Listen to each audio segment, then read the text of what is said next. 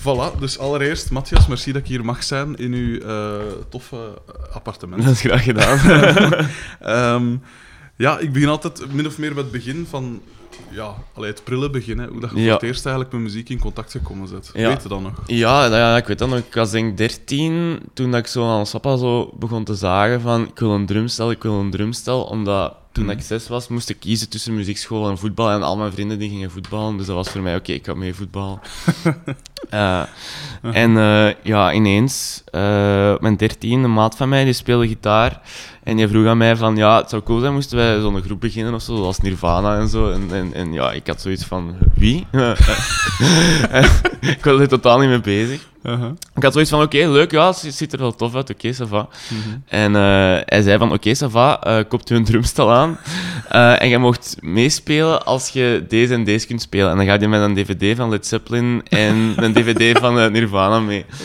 En ook wat drumboeken, want hij had vroeger ook eerst gedrumd zelf. Mm. En dan heb ik dat eigenlijk op mijn eigen beginnen leren, op mijn 13, 14. Mhm.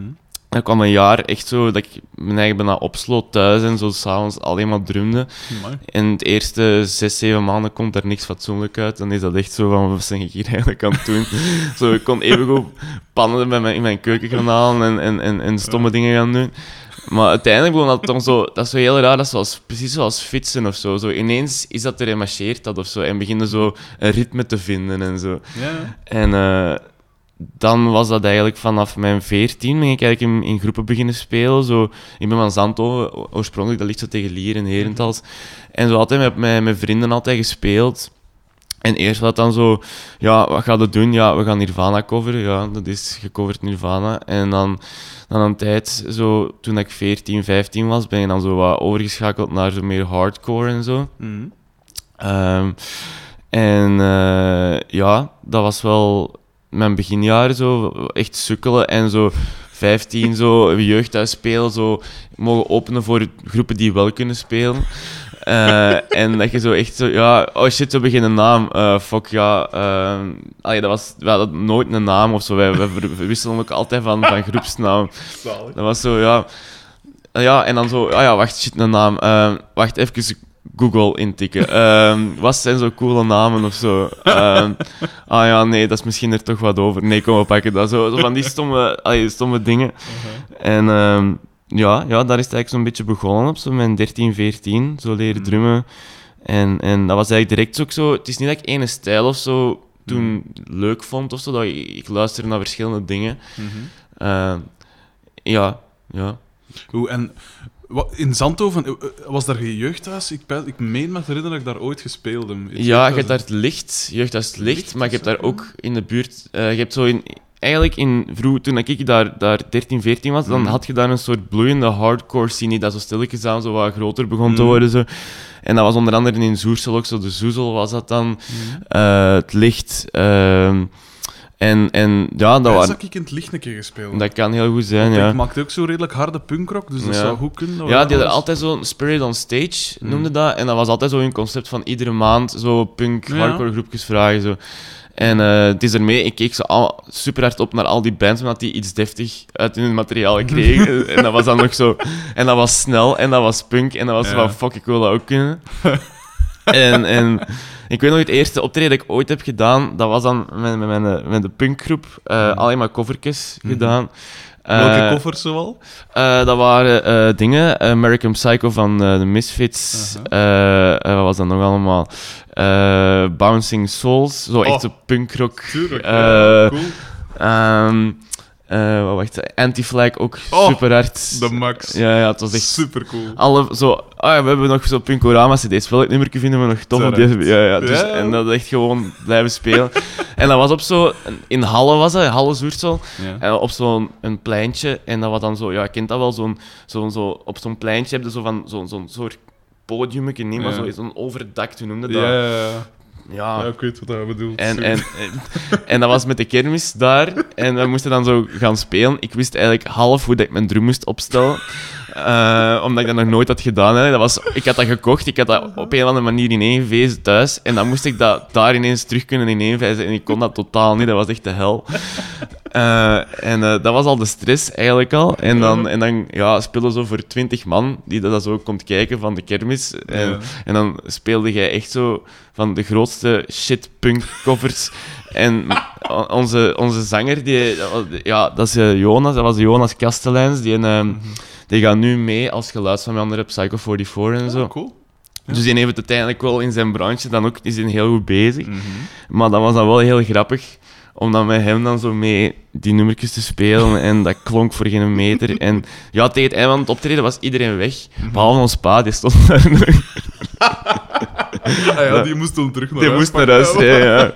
Dat was het, dat, dat was het eerste Oh, optreden. herkenbaar. Ja, Heel ja. herkenbaar.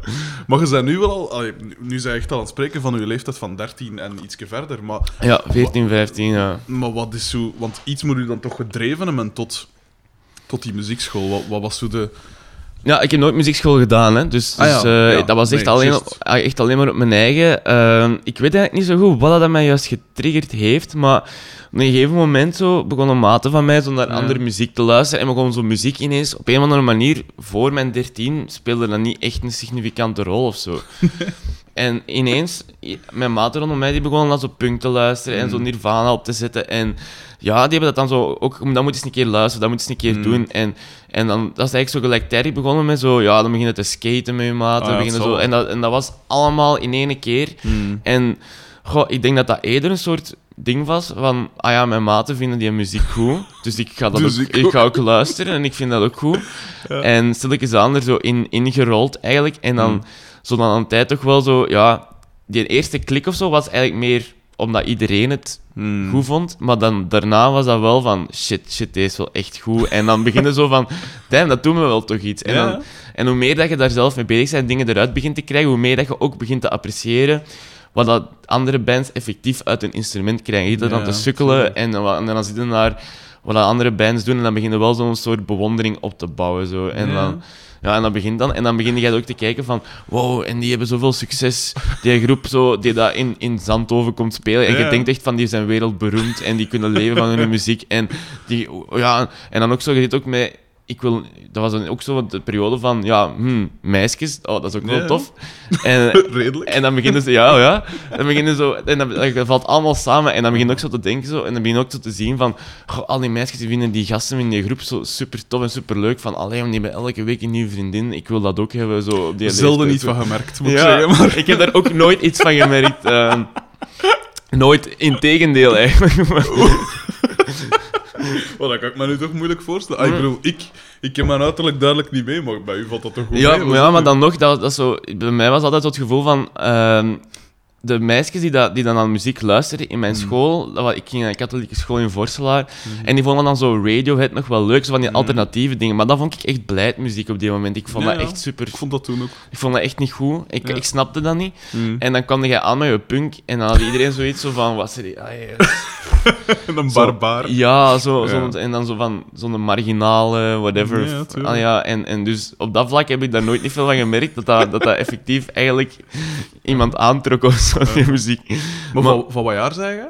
89. 89. Ah, Ja, ik van ja. 87. Dus ongeveer dezelfde dingen. Ja, ja, ja. Ehm, maar, eh, en wat waren dan uw favoriete artiesten op dat moment, ongeveer? Toen ik 14, 15 was. Ja, zo die periode. Ehm, dat begon eigenlijk dan zo met Nirvana. Dat was, Mm. Nirvana is eigenlijk zo mijn eerste echte groep geweest waar dat ik zo naar opkeek en dat ik zoiets had van, what the fuck is deze? Dat is echt... Allee, ja, dat is, dat is geniaal. echt, en dan voor een stuk ook wel, ook wel om een verkeerde reden of zo, omdat ik toen ook zo wel zoiets had van... Ja, zo, je begint zo op je 14, 15 zo je donkere gevoelens ook naar boven te halen. Ja. En dan is het zo van... Ja, je ziet er zo in Kurt Cobain een figuur dat zelfmoord heeft gepleegd, maar dan Mm. dat zo van die teksten schrijft en je hebt zoiets van... Wow, dat wordt ineens Ja. allemaal zo zwaar. En dan daarna is dat geëvolueerd naar... Is dat, is dat punk geworden? Zo echt zo, alle, zo de punkrock shit van vroeger. Zo, hè, zo Bouncing Souls, whatever, Mm. Anti-Flag. Eh, dan is dat ook stilletjes aan gekanteld meer naar hardcore en Mhm. zo. Eh, en, dan, en dan effectief ook de echte emo shit. Dat, is, dat is ook allemaal... Dat heb ik allemaal meegemaakt. Eh, dat is ook Oh, allemaal... dat zo Silverstein en, en dat ja, soort- From First to Last, from, from Autumn to Ashes, zo al die dingen. En dat is dan super raar, omdat dan vier jaar geleden, dan kijk je zo van, oh, die Skrillex, dat is zo, oh, dat is wel tof. en dan is je op, opzoeken wie dat is, en dan merk je Ja. zo van, what the fuck, dat is de zanger van From. First to Last, dat meen niet. En dan, en, en, en, oh, ja, dus dan komt het op zo'n dingen dat je, ja... In ieder geval, dat heeft mij wel gevormd of zo, omdat ik ben met, dat, met, die, met die nummers en met hardcore nummers eigenlijk echt ook beginnen drummen. Mm. En ik merkte wel van, als je dat kunt drummen, Mhm. kun je eigenlijk heel veel aan. Ja, dat zou wel. Dat is, dat is eigenlijk niet de makkelijk... ah, want Veel mensen denken van, oh ja, die man is zo aan het kloppen op hun ding, maar dat, is Mm. echt, dat is eigenlijk echt heel moeilijk. Ja, dat zou wel. En, en, en daarmee dat ik toen wel zoiets had van, fuck, allee, daarna kon ik ineens vrij snel andere nummers aan, omdat ik daarna ben ik zo wel... Het is vanaf, vanaf mijn 16 dat ik zo gemilderd ben in mijn Mm. muzieksmaak qua, qua eh, extremen of zo. En dan begon ik wel ineens Radiohead te appreciëren, op een Ja. of andere reden. Was ineens, zo. Was ineens zo wel zo... Ik kon daar ineens... Ik snapte dat ineens of zo. Ja. Ehm, dat was heel raar. En dat was dan ineens zo Radiohead, Joy Division, New Order. Dat kwam er ineens zo allemaal bij. En dat was ineens zo'n nieuwe stroming van muziek dat je zo ontdekte. Zo van Mm. melancholie, die dat, er, die dat erin zit. Maar ook wel vrij hard en op tempo nog wel is. Mm. Maar dat niet zo clichématig is als, als emo of zo. Want dat begon ik zo stilletjes aan dan wel zo te... Ja, dat begon ik dan wel zo achter mij te laten. Hoewel dat ik in die periode nog wel naar, naar Screamo luisterde. En vaak Mhm. denken mensen van... Zo, ah ja, Screamo, dat is ook zo wat dat, wat dat zo From Autumn to Ashes doet. Of, of My Ja. Chemical Romance of whatever. Maar dat was echt... Dat was zo super hard. En dat, dat waren zo bands die dat alles alleen maar op vinyl uitbrachten. En zo weinig mogelijk Ja. proberen om zo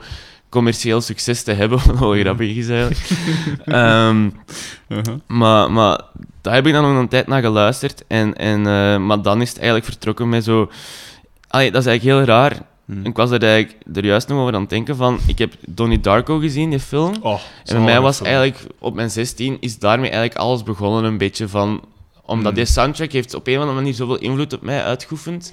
Zowel qua, ja, zowel qua dingen als muziek dat erin gespeeld werd, als songkeuze in de film. Ja, Dat, dat, was, dat bracht voor mij een hele nieuwe wereld, ook visueel, door die film. Mm. Dat was, ik vond dat zo'n straffe film. En dat is bij mij heel vaak zo dat muziek, films en boeken, dat bij mij eigenlijk altijd Ja, samen. bij mij Dat, dat is eigenlijk nooit soort van... Ah ja, ik vind die muziek leuk. Dat ik, als ik muziek luister, hoort daar altijd een soort van beeld, een soort van Ja, gevoel bij dat, dat je bij muziek, eh, bij films en boeken ook vindt, bijvoorbeeld. Ja, zeker. Ehm, dus dat is dan eigenlijk echt begonnen, zo op mijn 16, zo die ontdekking van, van, van alles daar rond. En dan ben ik Ja. ook, ook zo in filosofie geïnteresseerd te geraken en zo. En, en dan is het zo, ja, dan is het echt begonnen. of zo. dan had ik ineens zoiets van, ja, misschien moeten we toch geen eh, Led Zeppelin covers niet meer gaan spelen. Nee, maar ik heb, het is heel herkenbaar wat dat allemaal zegt, want ik heb dat ook... En ook die interesse in filosofie. Ik zie er Mhm. al kritiek der Reine vernoemd van Kant eh, staan. ja, En, en dat soort... En Hegel zit ik er ook. ja. Ik vind dat ook dan Max Kemal. Ook al die boeken moest ik nog lezen, ze. Moet ik Ja. wel bekend. Maar ik heb, toen ik aan de NIF zat, had ik ook... eh, ik heb eh, een jaar taal en letterkunde geprobeerd, maar dat bleek dan te saai. maar daar snap ook, ik. daar kregen we ook eh, filosofie van, van Johan Braakman. Ja, ik, vond ah, dat, ja, ja, ja. oh, ik vond dat zo tof. Dat was een van de weinige vakken waarvan dat ik overwoog om naar de lessen te gaan. Ja, maar, maar ik vond dat wel de max. Nu nog trouwens. ja, nee, dat is waar. Maar eh, ehm, eh, eh, zijn uw ouders of zo, zijn die muzikaal? Of, of? Nee, totaal niet. Dus als pa- ons- ons papa was vroeger wel ehm, DJ in de zin van, dat moet je niet voorstellen zoals je nu DJ's hebt of zo. Dus Mhm. dat was zo, jaren 70, jaren 80 draaien ons papa zo wel af en toe zo in de, de plaatselijke dansings van vroeger. Mhm. Eh, en dan, die had, wij hadden thuis een hele grote collectie van, eh van vinyls en van platen wel, die ons papa heeft opgebouwd in de jaren. Maar het is niet dat mijn ouders muziek spelen zelf of zo. Mhm. Dus ons papa had wel vaak zo, zo van... Hé, hey, Matty, deze plaat je moet, moet, je, moet je zo... Dat is echt super de max. En dan heb je zoiets van... Oh nee, pa, dat is echt totaal niet cool. maar, dan was dat zo, maar dan was dat wel zo Deep Purple of zo. Ah, maar ja. dan- maar, maar dat, dat, was, dat was wel tof. Maar jij zit dan zo van... Ja, ja. Oh nee, dat is echt totaal niet hard genoeg voor mij. Ik ben echt veel cooler Een als die. snobistische puber. Ja, ja, ja, ja. tuurlijk. En was uw vader ook zo leuk, een DJ dat echt zo tussen nummers door zo... Wat, allee, zo, zo Ja, ik- dat het ik- zo in gang stak? Zo. Ja, ik heb, hem, ik heb hem nooit echt zien draaien meer, want hij was al gestopt toen ik geboren Ja. was. Maar ik, vro- hij- we hadden thuis wel zo'n mengpaneel en er lag ook een micro, dus ik kan me perfect voorstellen dat hij zo'n nummertjes draaien en dan af en toe, dit was eh, Paradise by the Dashboard Light. eh. Terug in de tijd. Ja, ja. ja tuurlijk. dus ik dat kan me perfect voorstellen dat dat ooit gebeurd is. Ehm, De max. ja, ja. En, eh, maar dus je, je komt dus eigenlijk uit een totaal andere, andere muziekstijl als waar je nu in zit. Hoe, Mm. hoe heb je in der tijd eh, je, je mate van School is Cool leren kennen? Eh, ik ben... eh, Want dat zal niet zo heel lang daarna geweest zijn. Jawel, Ah, jawel, want ik heb daartussen, ik heb eh, dan, dus vanaf mijn 16 tot mijn 18 zo eh Radiohead wel beginnen luisteren. Mhm. En dan, iets later, ja, ook op mijn 18 heb ik, allee, was dan zo, had ik Arcade Fire zo ontdekt. Ja, ja. En dat is zo, als er ene groep is waarvan ik kan zeggen van, daar ben ik echt super fan, Mhm. en dat, dan is het van, van, van Arcade Fire. En dat begon mij zo meer en meer te interesseren, omdat ook zo die folk-invloeden met die klassieke invloeden, en dan begon ik daar ook heel geïnteresseerd in te geraken. ja. En ondertussen, ja, middelbaar, ik had economie gestudeerd, van wat de fuck moet ik nu doen? Eh, Oké, eh, ik ga rechten doen, want daar kun je alles mee doen. Ja, dus. Dus rechten gedaan, maar na anderhalf jaar eigenlijk ontdekt van... Ik heb hier vier mensen in mijn les zitten die dat effectief op een of andere manier waar ik nog mee kan communiceren en die dan nog vriendelijk zijn, maar de rest van de 300 man hier... Ja, is... is kan, ik, kan ik eigenlijk niet aan, dus ik ben daarmee gestopt dan. En dan ben ik filosofie gaan doen. Compleet tegen de goesting van mijn ouders in wel. Dat zal wel. En dan zo'n een helft van het jaar. Mhm. En dan eigenlijk, eh, mijn eerste les filosofie, ik weet dat was cultuurfilosofie. Mhm. En eh, dat was in een helft van het jaar, dus ik pikte dan zo ineens in bij, bij andere mensen. En eh, ik stelde een vraag. En tijdens de pauze kwam eh, een gast met nogal een vreemde bril en nogal wat lang haar naar mij een sigaret geven van... Ik vond dat wel echt een goede vraag, hier een sigaret. en eh, oké, dat was zo, oké, merci. En waarom heb je een fanny pack? Eh, Het ijs was gebroken. ja, en dat was dus Oh. eh, Johannes. eh, en dan, eh, ja, ik kwam eigenlijk heel goed overeen met Johannes. We hebben, denk ik, die, ja, dat semester meer in de cinema gezeten dan in de lessen zelf. We hebben- we- het is echt erg geweest, want dat was zo'n korting dat je toen kreeg bij de cinema. Bij een, bij een wat was het nu weer? Bij een UGC, dat studenten voor 3,5 euro naar de film mochten. Dus dat was echt... Ja. En wij zijn dan gewoon elke, zelfs elke, we hebben Twilight gaan zien, zelfs eh, Nine, verschrikkelijke film, maar gewoon zo hele catalogisch afgaan, omdat, je- om, gewoon dat je het kunt. Ah, ja, tuurlijk. En, en, en dan ja, dus, dus we zijn zo beginnen, allee, zo, zo dingen beginnen doen samen. En dan weet ik dat Johannes een, een, een, eh, die speelde bij Leaf People toen. Juist. En ik had ze al een paar keer gezien en ik vond dat een, een super, super leuke groep, super tof live om te zien ook. En eh, Johannes die wou iets doen in de zomer, van toen dat ik eh, filosofie ben gaan studeren, dus na het eerste jaar. Die zomer wou hij iets doen met mijn eigen projectje. En eh, dan eh, is er zo een concours in Brussel dat van Poppunt uitgaat, eh, dat je zo één nummer mocht spelen en dan wordt dat, wordt dat beoordeeld, maar je moet dat wel live spelen. En eh, Johannes had op zijn Facebook gezet van ik zoek 20 floortommers, ik zoek dit, dit en dit en dit. En ik zei van ja, ik wil wel komen meedoen. ja. En ja, dan was dat in Want of Something en dan zijn we dat gaan spelen.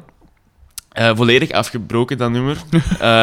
ook wel terecht, omdat eh, wij, eh, wij hadden dat nummer denk ik twee keer gerepeteerd of drie keer. Mhm. Strak. En het was, dat was op zich niet erg, maar eh, er, iemand speelde een verkeerd sintlijntje, waardoor dat we niet meer uit de brug uitgeraakten. En dan was dat gewoon heel een tijd in Want of Something, We Fear the Coffin, heel een tijd in Want of We Fear the Coffin. Dus dat, dan begon dat zo precies zo'n Joy Division nummer te worden, in plaats van nog zo een, een up-tempo vrolijk nummer. en uiteindelijk geïmproviseerd dat af moeten maken, zo van fuck, we weten totaal... Mm, Oké, gedaan. Iedereen oké? Iedereen oké? Oké, oké. Eh, dus, en dat was dat ook echt, ja... Allee, iedereen zag wel een potentieel, maar dat nummer werd echt volledig afgebroken. En, ehm, ik, ja, en, eh, en dan daarna, dus ja, Mhm. een beetje later, eh, vraagt Johannes van... Ja, ik ga meedoen met Frappantpom Provinciale Rockconcours. Ik heb wat andere, andere mensen gevraagd intussen, maar ik vond het wel leuk om met u samen te spelen. Wil ik nog eens een keer meedoen? Ik zo, oké, okay, vaak geen probleem. Ehm, dan was er iets gebeurd, eh, waardoor dat ik, eh, een goede maat van mij, waren problemen mee, waardoor dat ik eh, het eerste optreden niet kon meedoen, maar ik kon dat ook niet laten weten door omstandigheden, waar- waardoor dat ineens Johannes de eerste voorronde daar alleen met Andrew, Nele en Michael toen, toen was. En dat was zo van... super, super raar. Maar ik weet dat, ik denk dat Johannes toen een van de beste bindteksten ooit heeft gedaan. En dat was zo van... wacht, wat was het nu weer? Eh, Matthias, eh, oftewel kom je wel, of ik, oftewel hoop, je, hoop ik dat je, dat je dood bent. Oh. Een van de twee. Eh, en, dan de, en, dan, en dan voortgegaan met de sets. Maar dat vond ik wel... allee, het was iets anders, maar het kwam daarop neer. Ehm, en daarna mocht ik toch nog meedoen. Dus daarna had ik gevraagd, maar ja, hm, ik had de situatie uitgelegd. En hij zoiets van, oké, ça va, ça va. Eh, tweede ro- voorronde meegedaan. Dat ging eigenlijk heel goed. Ik was eigenlijk ook heel grote fan. En dan had ik zoiets van, oké Johannes, eh, we zijn... En dan de finale van, was ook goed, derde plaats, publieksprijs. En, en dan eh, kwam de journalist en die vroeg van... Zou je misschien toch eens niet inschrijven voor de Rock Rally? En ik had het dan zo gebeld naar Johannes, van misschien moeten we dat toch eens een keer doen. Eh, want morgen is de laatste dag voor in te schrijven. en hij zo, ja, oké, ja, misschien wel. En ik zei, ik zei nog wel zo van, ja, zouden we dat wel onder die naam doen? Ja, ja, kom, we doen het. We zien wel, we gaan dat toch niet meer. Kom, Oké, whatever, ik moet doen dat. En, en eh, ja, dan in het Epo gespeeld, eh, in, in het voorjaar.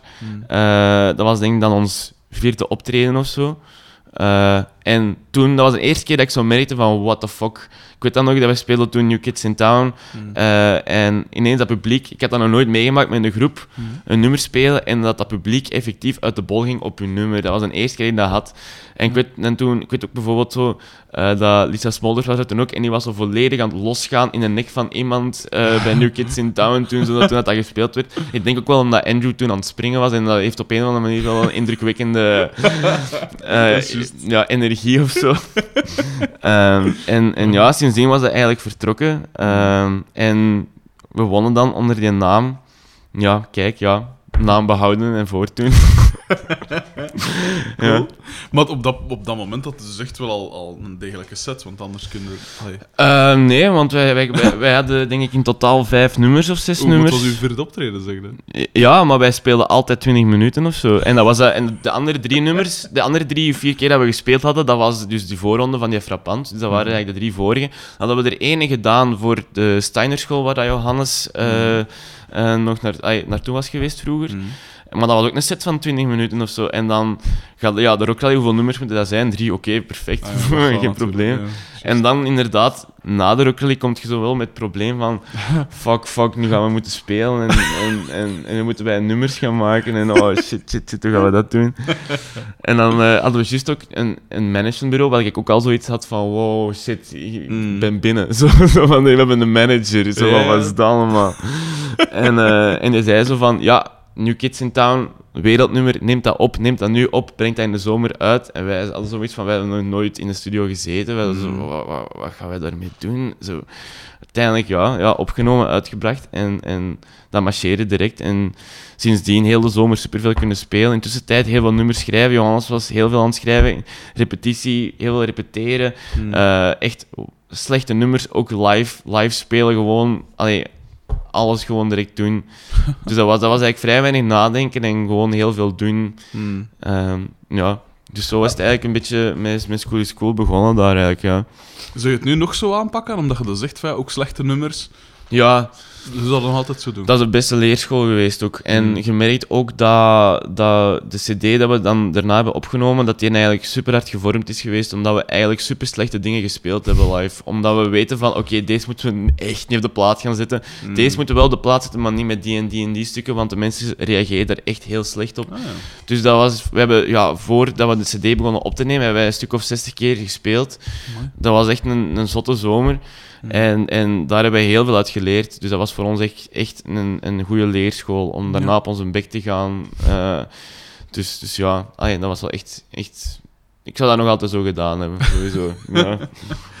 En, maar, en eh, van, waar, van waar komen al die andere gasten in, in de groep? Want Johannes, Nele kende Johannes omdat die ook al bij elkaar hebben gespeeld ook in, eh, in eh, een volkgroep. Ah ja, juist. Ja, Andrew speelde bij Leaf People al. Mhm. En Michael speelde ook bij Leaf People, bassist toen nog.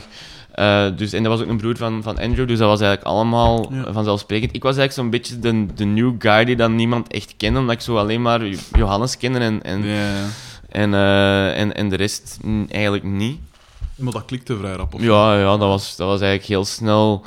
eh, ja, ja dat, op dat vlak, dat waren, ja, dat zijn, we zijn allemaal suiten met elkaar of zo. Dus dat werkte super hard. We zijn allemaal, we zijn allemaal mensen met ongeveer dezelfde humor, met dezelfde, ja, allee, met dezelfde dingen ongeveer ook wat bezig of zo. Dus dat, Mm. dat werkte ook wel. Ja. Maar die Michael die heeft er niet zo heel lang in gezeten. Michael ik, heeft er een anderhalf jaar denk ik, uiteindelijk in gezeten. En vlak voor de opnames van de plaat is, eh ja, is hij weggegaan. Ja. Eh, om, eh, ja, Michael is nu heel goed bezig met film en met. Ah, ehm, cool. is nu, hij gaat nu met Andrew zijn eerste langspeler maken binnenkort. De Max. Eh, en ondertussen maakt hij ook heel veel muziekvideo's. Nu ook, we hebben hij heeft onze eerste van New Kids in Town ook nog gedaan. Ja. Dat was eigenlijk zijn eerste keer dat hij echt zo iets maakte. ehm, Hmm. voor een groep, denk ik zelfs. En eh, nu doet hij nog zo... Ja, nu heeft hij, heeft hij allemaal gedaan. Jans, Bedrocks is er nu allemaal... Amai. heeft hem gedaan. En eh, dus hij is wel echt goed bezig. Hij is Mm. wel, dus, dus ik snap, ai, snap dat ook volledig. Van, want wij hadden wel zoiets van... Oké, die plaat uitbrengen en we gaan 150% gaan. Gas geven, zo. Ja.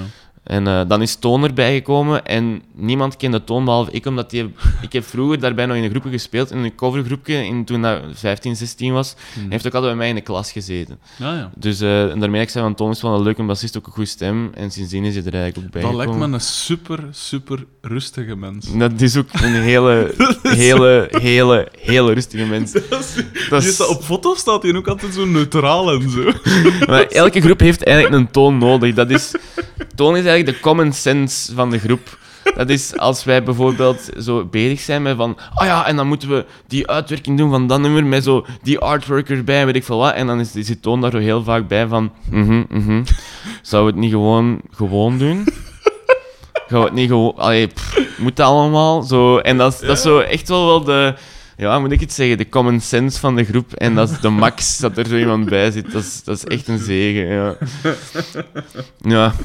Ehm, je zei er juist ook... ehm, dus e- een van je favoriete groepen was Arcade Fire. Ik spring sowieso van hier naar daar. Ja, ja, ja, ja, dat is geen probleem. Maar dus Arcade Fire. Maar eh, wat... Je zegt, dat was ik echt vol een bak. Ja, ja, nog, ja. Maar en waarom precies? Wat, wat is het? Er was zo, ik, ik weet nog dat ik, dat ik een nummer gedownload had van Arcade Fire en ik vond dat echt niet goed. En dat was ook van, van Funeral, van hun eerste CD. En dan had ik zoiets van, oh nee, het is niks voor mij. En toch bleef, eh, bleven mensen rondom mij. En ik bleef ook heel dingen lezen van Arcade Fire. Dat wordt zo de nieuwe Radiohead, whatever. Mm. Dat, wordt- dat is echt zot. Dus dan heb ik zo toch een CD gedownload, want dat was al een tijd van downloaden. Absoluut. En eh, ja, ja. en dan eh eerst, zo, ik weet op het moment dat ik, die, dat ik de eerste akkoorden hoorde van Tunnels, van het eerste nummer, dat was met de piano, en dan had ik echt zoiets van, deze heb ik nog nooit gehoord. Zo. En dan kwam ineens die klikker of zo. En dat, dat is heel raar, dat ik met dat, toen ik dat nummertje daarvoor had gedaan, had ik dat totaal niet. Hmm. En toen ik dat eerste nummer hoorde, was ik ineens helemaal mee, dan snapte ik het ineens helemaal. En ja, ik voel, ik- bij mij op- die moment combineren dat denk ik verschillende dingen. Die, die combineren heel hard eigenlijk zo de akkoordenprogressies en lyrics van Echo and the Bunnyman, New Order. Dat is eigenlijk, dat is eigenlijk heel hard wat dat zij op drijven. Maar tegelijkertijd totaal uit hun elektronische donkere context getrokken met, met instrumenten erbij dat je eigenlijk denkt van hoe fout kan de groep zijn? Hoe, hoe, hoe fout kun je het maken? Allee, zo. En, en, en dat werkte op een of andere manier supergoed. Ook zo de beelden daarbij, de context, de teksten, dat, dat, ja, dat kwam allemaal samen. Dat was ineens zo... Ja. Ik denk dat... Voor veel mensen was dat Radiohead of zo, maar dat was eigenlijk... Ik was nog te jong toen dat Radiohead echt begon om, daar, om daar volledig mee mee te zijn. Ik denk dat bij mij Arcade Fire, wat voor veel mensen Radiohead is geweest, of nog altijd is, wat dat voor mij Arcade Fire eigenlijk is. Ja, ja. Dus, ehm, hoewel ik Ja. ook een grote Radiohead-fan ben, maar Welke Ja. Radiohead? Want je hebt te vroeg. hebt te- voor mij is vooral een OK Computer KD eh, in Rainbows ook nog wel. Ja. Ehm, The King of Limbs totaal niet. Dat is, Nee, ben had ik dat ook. echt... Ik vond hem ook minder. Dat is echt, voor, dat, voor mij is heel die plaat is eigenlijk gewoon een, een, een shaker. Dat, dat is het voor mij eigenlijk. Dat is echt gewoon tsk, tsk, tsk, Oké, en dat is, dat, is, dat is dat nieuwe Radiohead. Daar was ik totaal echt niet meer mee eh, maar, maar ja, allee, dat, de laatste keer dat ik ze ook live gezien heb, eh, ehm, dat was denk ik eh, op Werchter, een paar jaar geleden. Eh, dat vond ik nog wel een goede set, maar toen waren ze nog niet aan Kings of Limbs begonnen, denk ik. Hmm. Want ik, ik, ik had kaarten voor het Sportpaleis, maar dan kreeg je ineens zo'n offer om zelf te gaan spelen en dan zitten daar met je kaarten zo. shit, shit. Oké, ja, het zal wel de volgende vijf jaar zijn of zo. dus, ehm, Ik heb het ook meeste voor zo Kid A en Amnesiac. En eh, mhm. ja, in Rainbows ook. In Ja. Rainbows ook zeker, ja. In Rainbows vond ik ook nog een hele goede CD. Maar wat ik leuk vind wel bij ook hoe dat Radiohead zich... En dat is ook wat dat Arcade Fire voor een stuk doet, is die...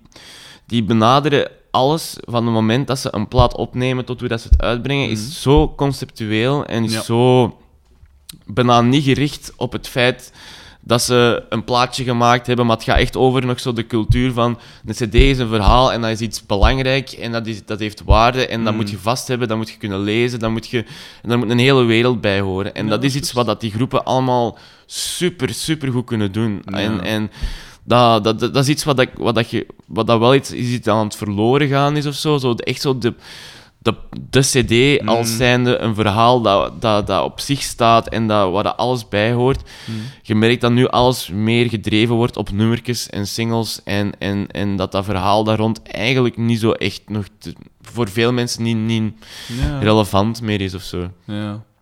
Dus, ja, ja, dat deed je met iTunes natuurlijk. Ja, ja, ja.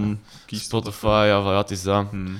Ja. Ehm, mag ik, om terug naar, naar, naar de groep te gaan, Ja. je, je, de muziek van School is Cool is, is natuurlijk volledig anders dan wat dat ervoor maakte. ja. Maar vergen dat een... een eh, want gaat dan nu een drumstijl, dat natuurlijk allee, Ja. was door Ja. heel andere dingen. Ja. En plots moet je dus iets volledig anders gaan maken. Ik vond dat leuk, omdat tot dan eh, wou ik zo'n muziek ook wel maken. Mhm. Dus ik was ook wel geïnteresseerd om iets anders te doen.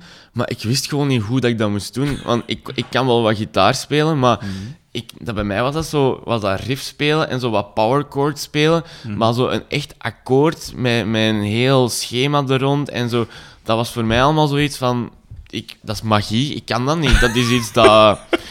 Ja, whatever. En ineens bij Johannes... Johannes kan dat supergoed. Johannes is een van de beste songwriters dat ik ken. En, Mm. eh, en toen ik zo de eerste nummertjes hoorde, had ik echt zoiets van... Amai, dat is wel echt straf.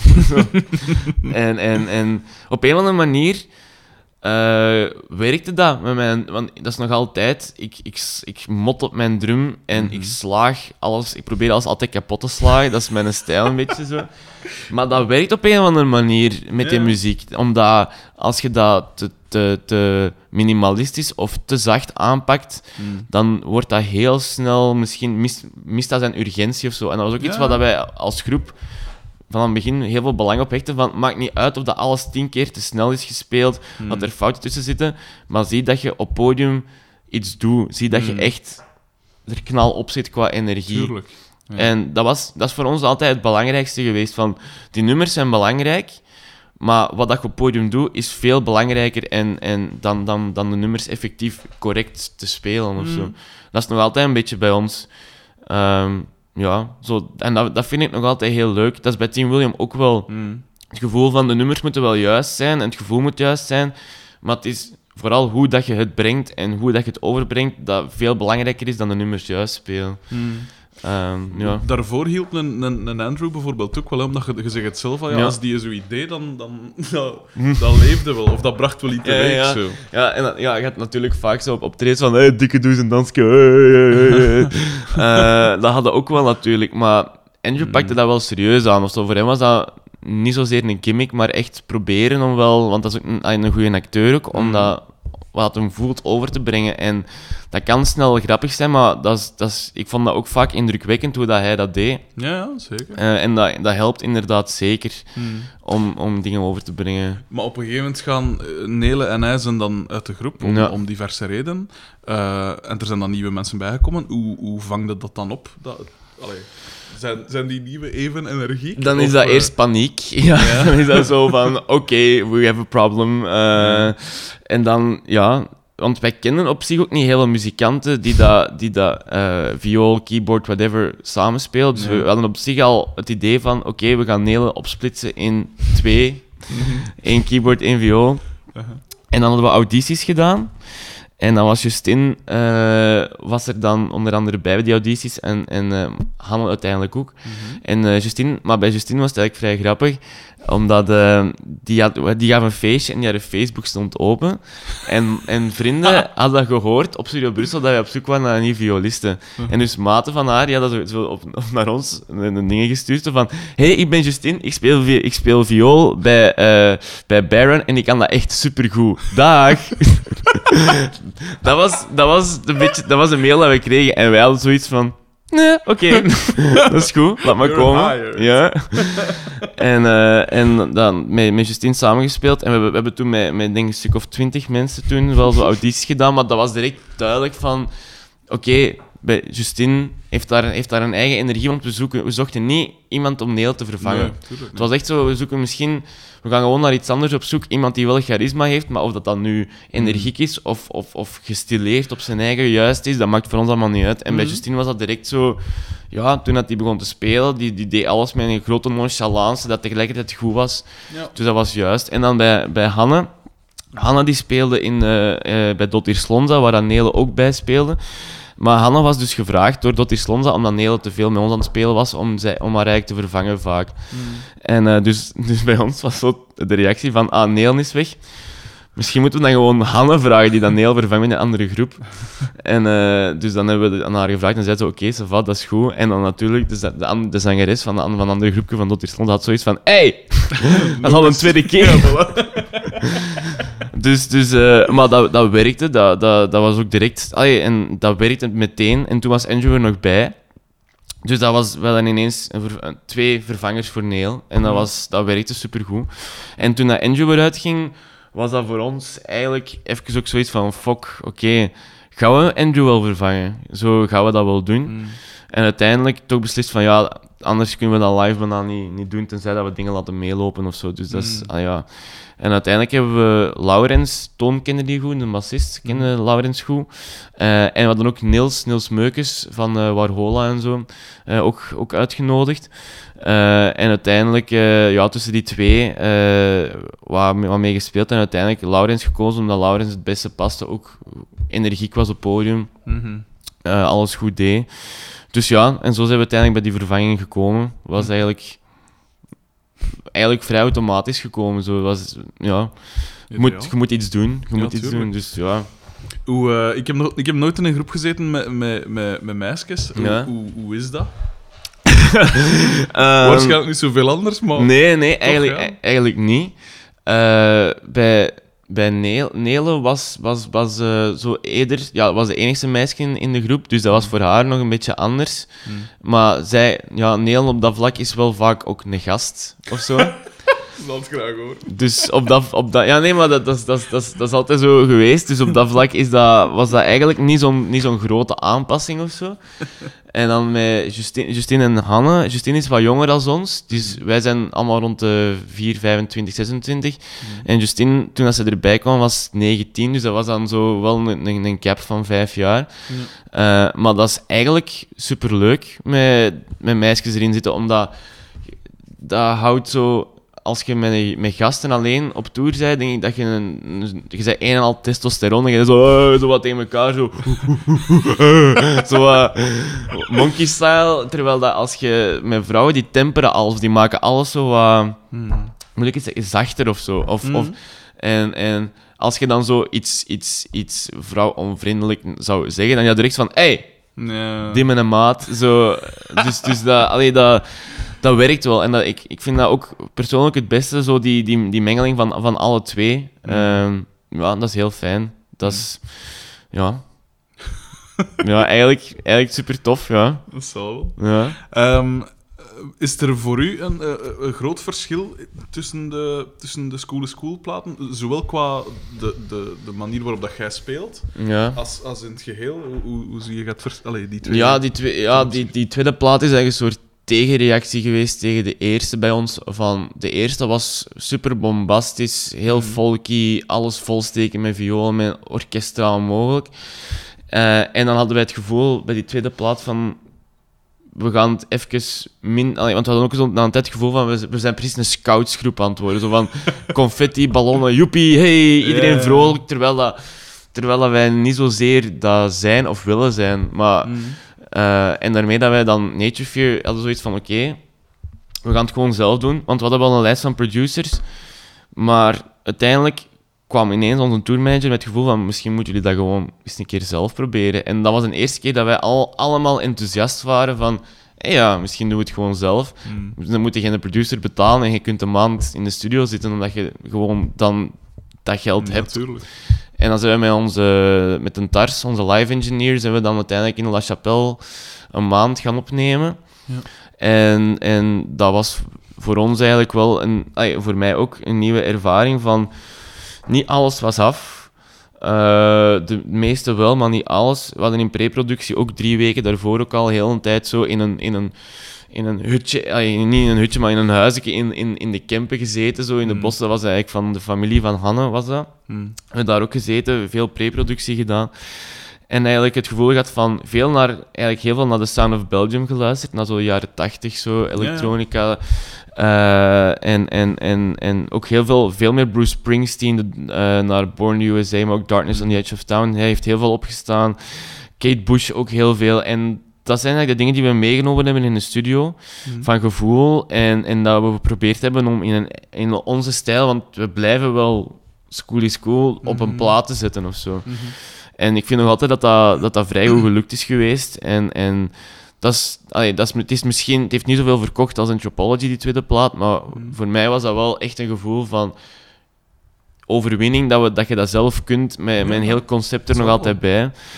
Eh, en qua drummen is dat, voor, mij- was dat, is dat voor mij altijd hetzelfde geweest. Omdat de, de drumstijl... Johannes die schrijft eigenlijk alles uit op GarageBand. En Johannes die kijkt naar mij als een soort van... Oké, dance, monkey, dance. Zo van... die- die- die- Johannes wil eigenlijk het liefst zijn computer op mijn spieren aansluiten, waardoor dat ik gewoon zo als een robot alles in de maat zo robot mogelijk zou willen inspelen. Of zo. En, en dat, dat bleef ook zo eh, bij Nature Fear, maar dat is, dat is eigenlijk goed gelukt. Eh, we hebben alles ook van drums apart opgenomen, dus er zit geen enkele eh, kick of snare dat samengespeeld is, dus om alles Ah. zo goed mogelijk te controleren van, Mhm. van geluid. En, en ehm, ja, dat is ook nog altijd wat dat Johannes op, op kikt, is zo van die percussieve floortom, eh, meer, meer eh, Afrikaanse, Aziatische geluiden erin steken qua Ja. percussie. En, en, en dat is er ook nog gebleven. Dat was bij de eerste plaat zo, bij de tweede plaat ook zo. Alleen die, bij die tweede plaat, omdat de arrangementen donkerder zijn en, en, en, en minder, eh, eh, ja, moet ik het zeggen, snel van, ah ja, dat is een melodie, dus dat zit direct mee in je kop, krijgt ook die percussie daardoor een heel andere invulling. Hoewel het eigenlijk niet zoveel verschilt van de eerste plaat. Ja. Maar het is meer het arrangement daar rond dat verschilt. En doe je dat zelf graag, zo die percussieve? Ja, dingen? absoluut. Ah, ja. Ja. Dat is zeker zo. Ehm, ook wel cool. dat is eigenlijk, ja, dat is, dat is, dat is super tof ook omdat, zeker omdat we met twee op podium staan, Hmm. heb ik vaak het gevoel dat je zo elkaar aanvult. En, en Hmm. dat vind ik ook leuk. Je bent niet iets. Je bent niet de, de, de, moet ik het zeggen, de cliché-drummer aan het uithangen Ja. van doem, doem, pa, pa, pa, doem, pa, zo. Wat, en dat vond ik wel, dat vond ik ook leuk. Mhm. Je, en, en dat daagt je ook uit, omdat je, ik ben, je begint ook ineens anders na, na Ja, te denken over hoe drumde. En je begint ineens wat te merken van, ah ja, shit, eigenlijk ben ik super dom geweest om met mijn rechterhand een hi-hat te spelen. En, en dus je begint, omdat je zoveel Ja, verschillende dingen aan, het- aan het doen zij, beginnen ineens een heel andere soort van techniek te ontwikkelen of Mm. zo. Dat, ai, dat, dat, dat moet je, dat, en, dat is ook omdat, en dat is ook heel grappig, Johannes kan niet drummen, dus Johannes weet ook niet wat dat er technisch mogelijk is of niet. dus die doet gewoon op GarageBand zijn ding, Ja. en dan zegt hij zo van, ah ja, en nu moet jij dat spelen, en dan merk je van, ah ja, je hebt hier eigenlijk zes drummers voor nodig en twintig handen of zo. Ja, ja. Maar omdat je dat dan moet simplifiëren, werkt het wel, beginnen zo dat wel zelf te ontwikkelen of zo. En dat is wel Mm. leuk. Ja. Ja, dat is wel... eh, hij heeft wel veel van die, die vreemde Oosterse dingen. Ik heb met mij ook gehad over zo eh, Mongoolse keelgezang. Ja, ik vind dat ook de max. Ja, Die, die rare dingen. Ehm, wat dacht ik te zeggen? Ehm, eh, ah ja, hoeveel... Als je, dus als je een studio intrekt, ja. hoeveel is er dan al af? Meestal, Omdat je zegt, een maand in een studio... Dat... meestal is daar al wel, pakt 95% is af bijna. Je zegt Ja. al af, af. Ehm, ook qua lyrics en zo. Johannes heeft alles bijna ook af voordat we in studio gaan. Niet altijd alles, wat dat wel tot, tot hilarische situaties leidt. Zoals, je moet meespelen met een nummer en dan merk je van, dat ineens een tekst overschakelt van serieus Engels naar choopie doopie, lalapi, labbe, pepedoe, yeah, oh yeah. Zo. Dus dat, dat, is, dat is wel grappig. Eh, eh, maar dat is, voor de rest is eigenlijk alles vrij af. En dan is wat dat we vaak doen, is we pakken de GarageBand projecten erbij en we spelen dat dan mee. Ehm, en dan merkte van ja, dat werkt toch echt niet. Oftewel moeten we dat van de GarageBand zelf pakken, wat in de tweede plaat wel vaak gebeurd is. Ja? Dus dat we echt gewoon zeggen van dat klinkt gewoon zo anders en goed op GarageBand. We moeten dat niet goed willen namaken in een dure studio. Mm. We pakken dat gewoon van GarageBand. Punt. Ja, waarom niet? Dus uh, al ja, het is dat. en en eh, ja, dus zo werkt dat. We hebben eigenlijk een blauwdruk van, en als Johannes in de garage bent, en dan beginnen wij eigenlijk daarmee te werken van wat werkt er wel, wat werkt er uiteindelijk niet Mm. op een plaat. Ehm, dat is het eigenlijk een beetje. En als je zo... Dus je zegt, die eerste plaat was heel, met veel orkestrale elementen en zo. Ja. Veel, eh, veel strijkers en heel weelderig en weet ik veel.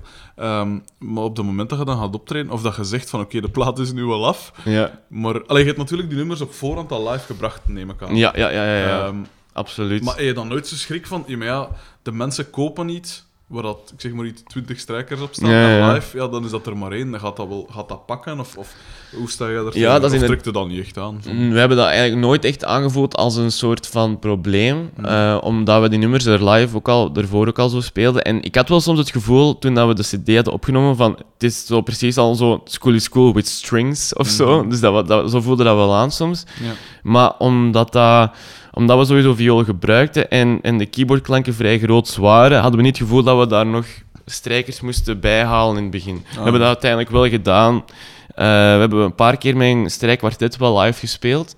Eh, maar dat voelde niet aan alsof dat, dat een must of een meerwaarde gaf aan het publiek. En het is ook Mm. niet dat wij na een optreden de commentaar kregen van ja, op de plaat is het toch wel veel bombastischer en beter dan, dan live of zo. Dus dat, Ja. en dat is ook iets wat je radicaal voor kiest. En, en wij kiezen ook altijd voor van het moet leuk blijven live. En we zijn niet zo van het nieuwsprincipe van alles moet meelopen. En we staan met, drie op een podium. En, ook, en er mag een orkest mee. Allee, dus dat, dat was voor ons ook niet, geen optie of zo.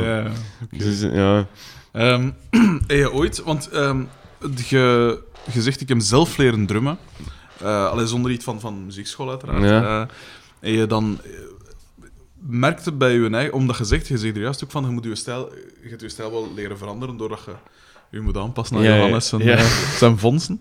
Maar heb je stijl ooit naar iemand gevormd? Of? Ja, ja, sowieso. Dat, en dat is vooral Dave Grohl en, eh, en John Bonham van Led Zeppelin. Ah ja. Dus dat is omdat ik daar ook mee leren drummen. ja. Gewoon daardoor eigenlijk al. En ook ehm, hoe dat ik mijn drum opstel, Hmm. is eigenlijk ook.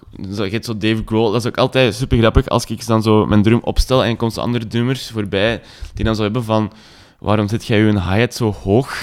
Dus dat is super onhandig. En dat is zo, ja, maar ik heb zo leren drummen, dus... hm. Het werkt, hè? Ja, het werkt, ja. Dus dat is, dat is ja...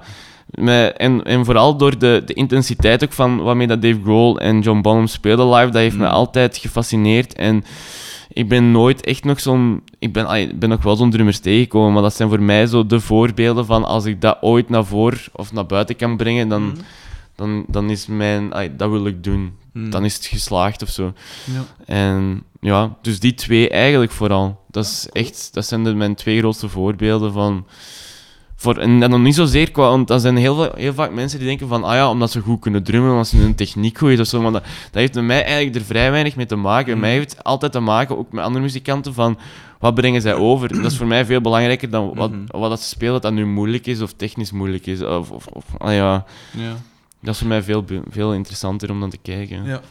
En wat maakt... ah, Wel, als we dan, dan toch even teruggaan naar wat dat ze muzikaal... Allee, puur muzikaal doen, wat maakt die twee dan zo speciaal? Of wat, is, wat maakt John Bonham John Bonham? Eh, wat dat John Bonham John Bonham maakt, dat is die zijn, dat hij bijvoorbeeld harder met zijn handen kon drummen dan met zijn stokken vaak. Dus dat is, dat is zo'n een ding. Dus hij kan echt effectief met zijn handen harder drummen dan met zijn stokken en sneller. Dat is, en wat dat geflipt is eigenlijk. Ehm, eh, maar wat het hem echt tot zijn eigen stijl maakt, is dat hij, dat hij eigenlijk, ja, die deed zotte fills. Maar het was niet dat dat super moeilijk was, maar het was hoe dat hij dat speelde. Het was echt zo, als hij dat speelde, dat was precies alsof dat, dat een machinegeweer was dat over u kwam of zo. En, en, dat, en, en ook bij, bij Dave Grohl, ook van alles wat dat hij op elke tom dat hij sloeg of elke kick dat hij deed, dat was, of, dat was met de bedoeling van ik wil dat deze drumkit zo snel mogelijk kapot gaat. Zo, dan, en als deze optreden niet gebeurt aan het einde, dan springt Kurt Cobain wel in mijn drumstel en is het sowieso kapot. Eh, maar, eh, maar zo dat gevoel van, ja, op een of andere manier, dat, heeft me al- dat is ook iets dat ik heel vaak zo meer en meer begin te denken, zo van, zo de link tussen, wat dat, waarom dat vroeger mensen bijvoorbeeld zo religie en zo belangrijk vinden en nu nog zo naar muziekoptredens gaan kijken, dat dat iets heel, heel gelijkaardig is. En omdat je, je, je, je gaat eigenlijk naar, naar mensen kijken die op een podium staan. Er zijn ongeschreven regels die dat je Mm. volgt op een of andere manier. Iedereen kent die, hoewel dat je die niet uitspreekt. Ja. En, je- en er is een gevoel van dat je bij elkaar hoort en dat er mensen op podium een energie naar voren brengen die dat je allemaal overmannen of zo, zonder dat je daar, zodat je ziet van, fuck, eh, dat overstijgt mij of zo, van daar kan ik niet aan. Of dat is iets wat, Mhm. dat, wat, dat je, ja, wat dat je, wat dat zij niet kunnen doen alleen, maar wat dat je publiek alleen ook niet kan doen, die, Nee, nee. die wisselwerking nodig hebt. En Mhm. dat is iets wat, dat, wat ik bij, bij Nirvana bijvoorbeeld enorm hard zag en wel een eerste Mm. keer door had van... Het is eigenlijk meer hoe dat je het speelt dan wat dat je speelt, Ja. dat, eigenlijk een, dat eigenlijk je muziek maakt. Ja, en dat, dat was het eigenlijk zo, wat dat mij enorm hard aantrok. Bij, Hmm. Zeker bij Dave Grohl ook, ja. Ja. ja. Ehm, ja, dus je bent, je bent vrij succesvol met School is School, mag je wel gezegd worden. En op een gegeven moment eh, krijg je een telefoon van Floris en die vraagt je van, zeg, wil jij nu bij ons komen drummen? Ja, nee, ik kreeg geen, eerst, Ah, geen, nee. ik, eerst geen telefoon van Floris. Dat was eigenlijk grappiger. Ik, ik, was zo met, met Arne zo al een tijdje zo op, Facebook zo aan het chatten en zo. Mm. En eh, ineens op een gegeven morgen zegt eh, Arne tegen mij gewoon, zeg gewoon ja. En ik zo, huh, Wa- wat? Nee, nee, nee, nee, nee, gewoon ja. En zo, op, op wat? Zult ze biedt wel horen. Zo, eh, wat? Heeft Floris nog niet gebeld? Zo, nee. Maar, nee, maar je moet gewoon ja zeggen. Ah, oké. Ja, nee, nee, nee. Floris gaat nu bellen. Wacht even. En dan zo een uur later nog altijd zo niks.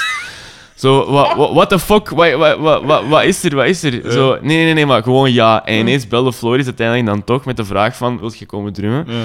En ik, ik heb eigenlijk daar niet moeten bij nadenken, omdat ja, ik kende Floris en Arjan al een tijdje en ik kwam er supergoed mee overeen. En Team William, dat was voor mij toen ik in de Rock Rally zat zelf, Mm. dat was voor mij zo'n een, een, een beetje een groep waar ik toen veel naar luisterde. Ook vond, Mhm. Ik vond dat echt zo heel, heel leuke muziek. Zo. En, en ja, dat is zoiets wat dat... eh, ik kende die nummers ook allemaal voordat ik bij hun kwam spelen. En ik had zoiets van, ja, als je toch iemand vraagt, wel ja, dan kun je beter iemand vragen die de nummers al een beetje Tuurlijk. kent. Dus Ja, ik zag dat volledig zitten. En, en dat is ook iets wat, dat, wat dat, als ik naar een Team William optreden ging kijken, dat, is ook, dat draait ook meer over iets overbrengen dan wat dat je effectief speelt. En ja, dat was, ik moest er eigenlijk echt niet over nadenken. Ik had dan zo even aan Johannes gebeld van, hebben wij veel te doen deze najaar?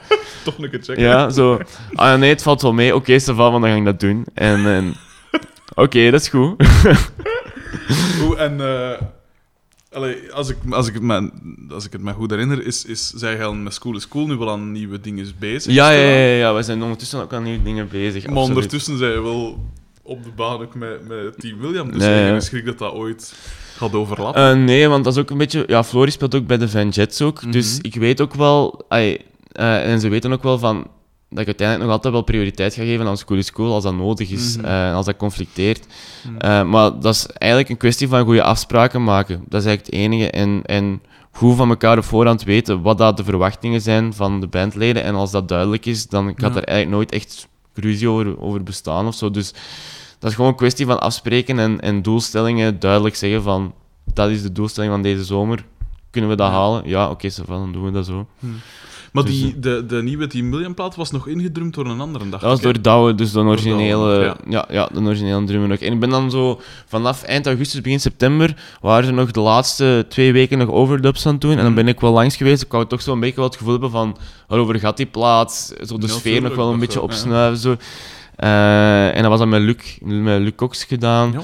Eh, en eh, nog zo kleine percussiedingetjes ingespeeld. Maar dat was eigenlijk toen ik die, die plaat aan het opnemen was, dan, of, of bij die opnames was, dan had ik ook zo direct het gevoel van: oké, dat is iets anders dan wat ik met School is Cool aan het doen ben, omdat dat. De invloeden van Floris zijn zo meer zo wat, bij deze plaat, zo disintegration van The Cure, meer, zo wat, Mhm. meer jaren 80 synths Mhm. erin. En dat is iets wat dat, met School is Cool wel jaren 80, oké, va, maar zo meer zo die donkere The Cure dingen en zo, dat, dat, dat komt er niet per se in voor. En dat is wel iets wat ik bij hen veel meer vind en kan, kan uitleven. Dus dat was dan weer zoiets van, oh cool, ook, kan ik ook nog zo'n muziek spelen. Oeh, en wat is dat dan met jaren 80 muziek dat u zo, zo aanspreekt? Ehm, Want zowel bij School is Cool als bij, als bij Team Ja, dan eh, ik vind, ja, oh ja, het is zo, heel veel mensen denken snel zo aan, als je aan over jaren 80 muziek praat, dat zo van, ah ja, dat zijn zo de gated reverbs, Phil Collins, slechte Madonna-platen, whatever. Alles overheersende snares. Alles, ja, eh, de kleur roze ook, eh, en, en, en plastic en glitter en whatever. Uh-huh. Maar wat ik leuk vind, Haarlak. Ja, ja hair metal, eh, Duran Duran. eh. maar dat is zo op een of andere manier. Wat dat zij wel goed konden, vond ik in de jaren, eh, in, in de jaren 80. Dat klinkt nu zo echt zo. oh. Hey, wat dat je in die platen veel hoort, dat zijn hoe dat zij die. Ik ben zot van die analoge synths dat ze gebruiken. Zo, en, en, en zowel bij New Order als bij The Cure niet altijd, maar zo in die Disintegration plaat ook.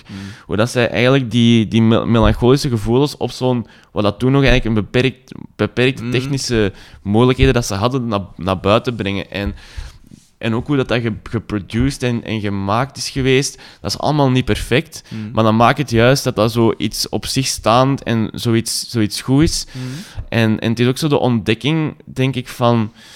Van, van ja, ik, ik, ik weet het niet goed. Zo van, ja, van, wat kunnen we, hoe ver kunnen we met een, rock, met een rockgroep gaan als we synthesizer gebruiken en zo. Mhm. En, en dat is iets wat ik, als ik nu luister naar bijvoorbeeld zo de laatste platen van, van wat, wat dat nu hip is, zo, eh, zo, zo, ja, zo meer zo donkere elektronica, dat je zo Pitchfork nu vaak ziet verschijnen en zo. Ik heb Mhm. altijd het gevoel van, ja, maar dat is, dat is zo perfect gedaan, dat is zo goed gedaan, dat interesseert mij niet. Dat, Mhm. dat, dat, dat pakt mij niet of zo. En, en daarmee dat ik zo... Ik wil gewoon heel graag eens een keer een plaat maken bijna met dezelfde materiaal dat ze bijvoorbeeld eind jaren 80 gebruikt Ja. hebben. Zo. En, en zelfs met tape beginnen knippen en plakken, zodat alles, alles niet even duidelijk of goed is, maar zo die, Ja. ja, zo dat, die, die, die een ambacht daarin en zo de moeilijkheden dat je hebt omdat je geen computer hebt, Mhm. wil ik zo, dat, dat vind ik super interessant aan die periode. En zo dat analoge, en dat, is, dat, is, dat zit meer in mijn hoofd dan dat dat effectief iets geweest is toen of zo. Ja. Maar, dat, maar dan een soort van sfeer in mijn kop zit van. Dat moet, er, dat, moet er, dat moet eruit of zo. En ik heb nog niet het gevoel gehad dat dat bij School School bij Team William volledig al gelukt is. Dus ik ga Mm. blijven proberen, al is het op mijn eigen, om het er ooit uit te krijgen. Zo. Uh-huh. Ja. Is dat van, van drumspel, is het, een, is het een grote aanpassing of valt dat wel mee? Ehm, dat valt heel goed mee, hoewel dat ik bij Team William, dus, dus ja, live, ik heb niemand om op terug te vallen, dus naast mij zit niemand. Dus dat is dan wel zo even terug zo van, ah ja, just, dat is eigenlijk hoe dat echt gaat, hoe dat echte drummers zich voelen vaak zo. Ah ja, maar dat is eigenlijk super leuk, ook omdat eh, dat is niet heel moeilijk om te drummen, dus je Mhm. kunt je eigenlijk ook volledig uitleven in, in de energie en in, in de muziek Mhm. ook.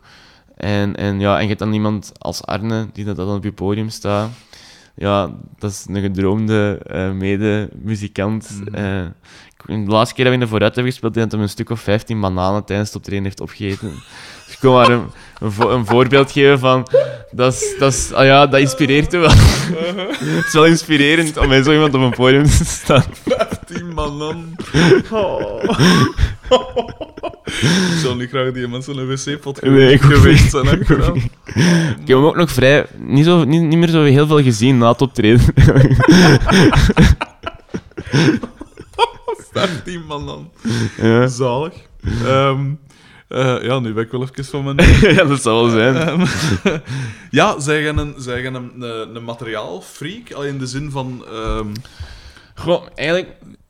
Ja en nee. mm, Omdat ik ben niet zozeer in materiaalfreak in de zin van... We waren juist bezig zo over analoge shit, zo Mhm. jaren 80 dingen. Dan kan, daar kan ik op flippen als ik zo van die dingen zie. Zo van, Mhm. Maar het is niet dat ik daar heel veel over weet. mm, En, en, en ook qua productie of zo. Ik, ik ben niet heel technisch of heel... ehm te gaan met, ah ja, dat pedaaltje, dat pedaaltje. Ik ben eerder begaan met een soort van... Voor mij moet er... Een, ja, moet ik het zeggen? Ik hou van een goede chorus of zo. mm.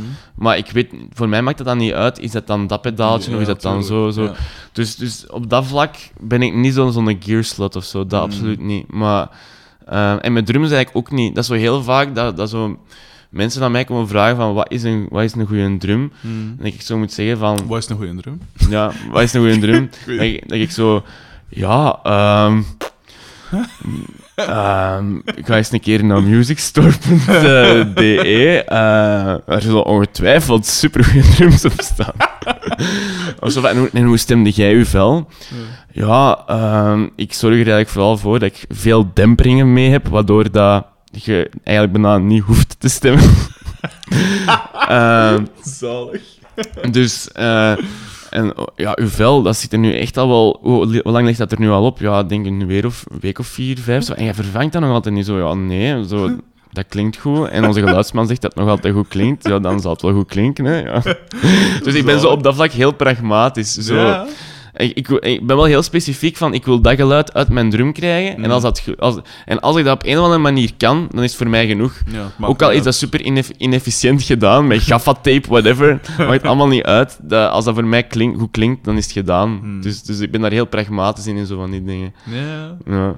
Ehm, zijn er... eh, want je hebt dus filosofie gestudeerd en dat interesseert me dus al op zich Ja. mateloos. Hè? Maar heeft dat u... Want ik heb zelf nog getwijfeld nadat ik dan gedaan had met studeren.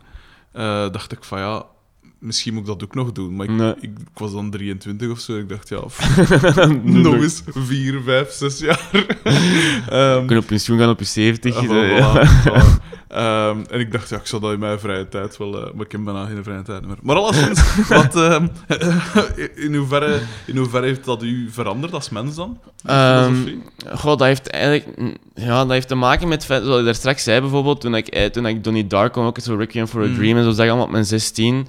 Dat was voor mij... Dat ging allemaal samen. En dan, en dan gaat er ook zo... Dan beginnen zo dingen op te zoeken zo over fysica. En dan komt er snel uit bij filosofie. En dan er worden ook zo vaak in, in films zo Sartre en Nietzsche en zo wordt allemaal gedropt. En op die moment dat je 16 bent, heb je zoiets van... Ja, jongen, fuck de wereld, jongen. Eh, Nietzsche, Nietzsche is supercool, jongen. Is eh, nihilisme, jongen. Hey. Ja. Dus, je, dan, dan, zitten, eh, dus dan, dan begin je dingen op te zoeken, te lezen. En bij mij heeft dat...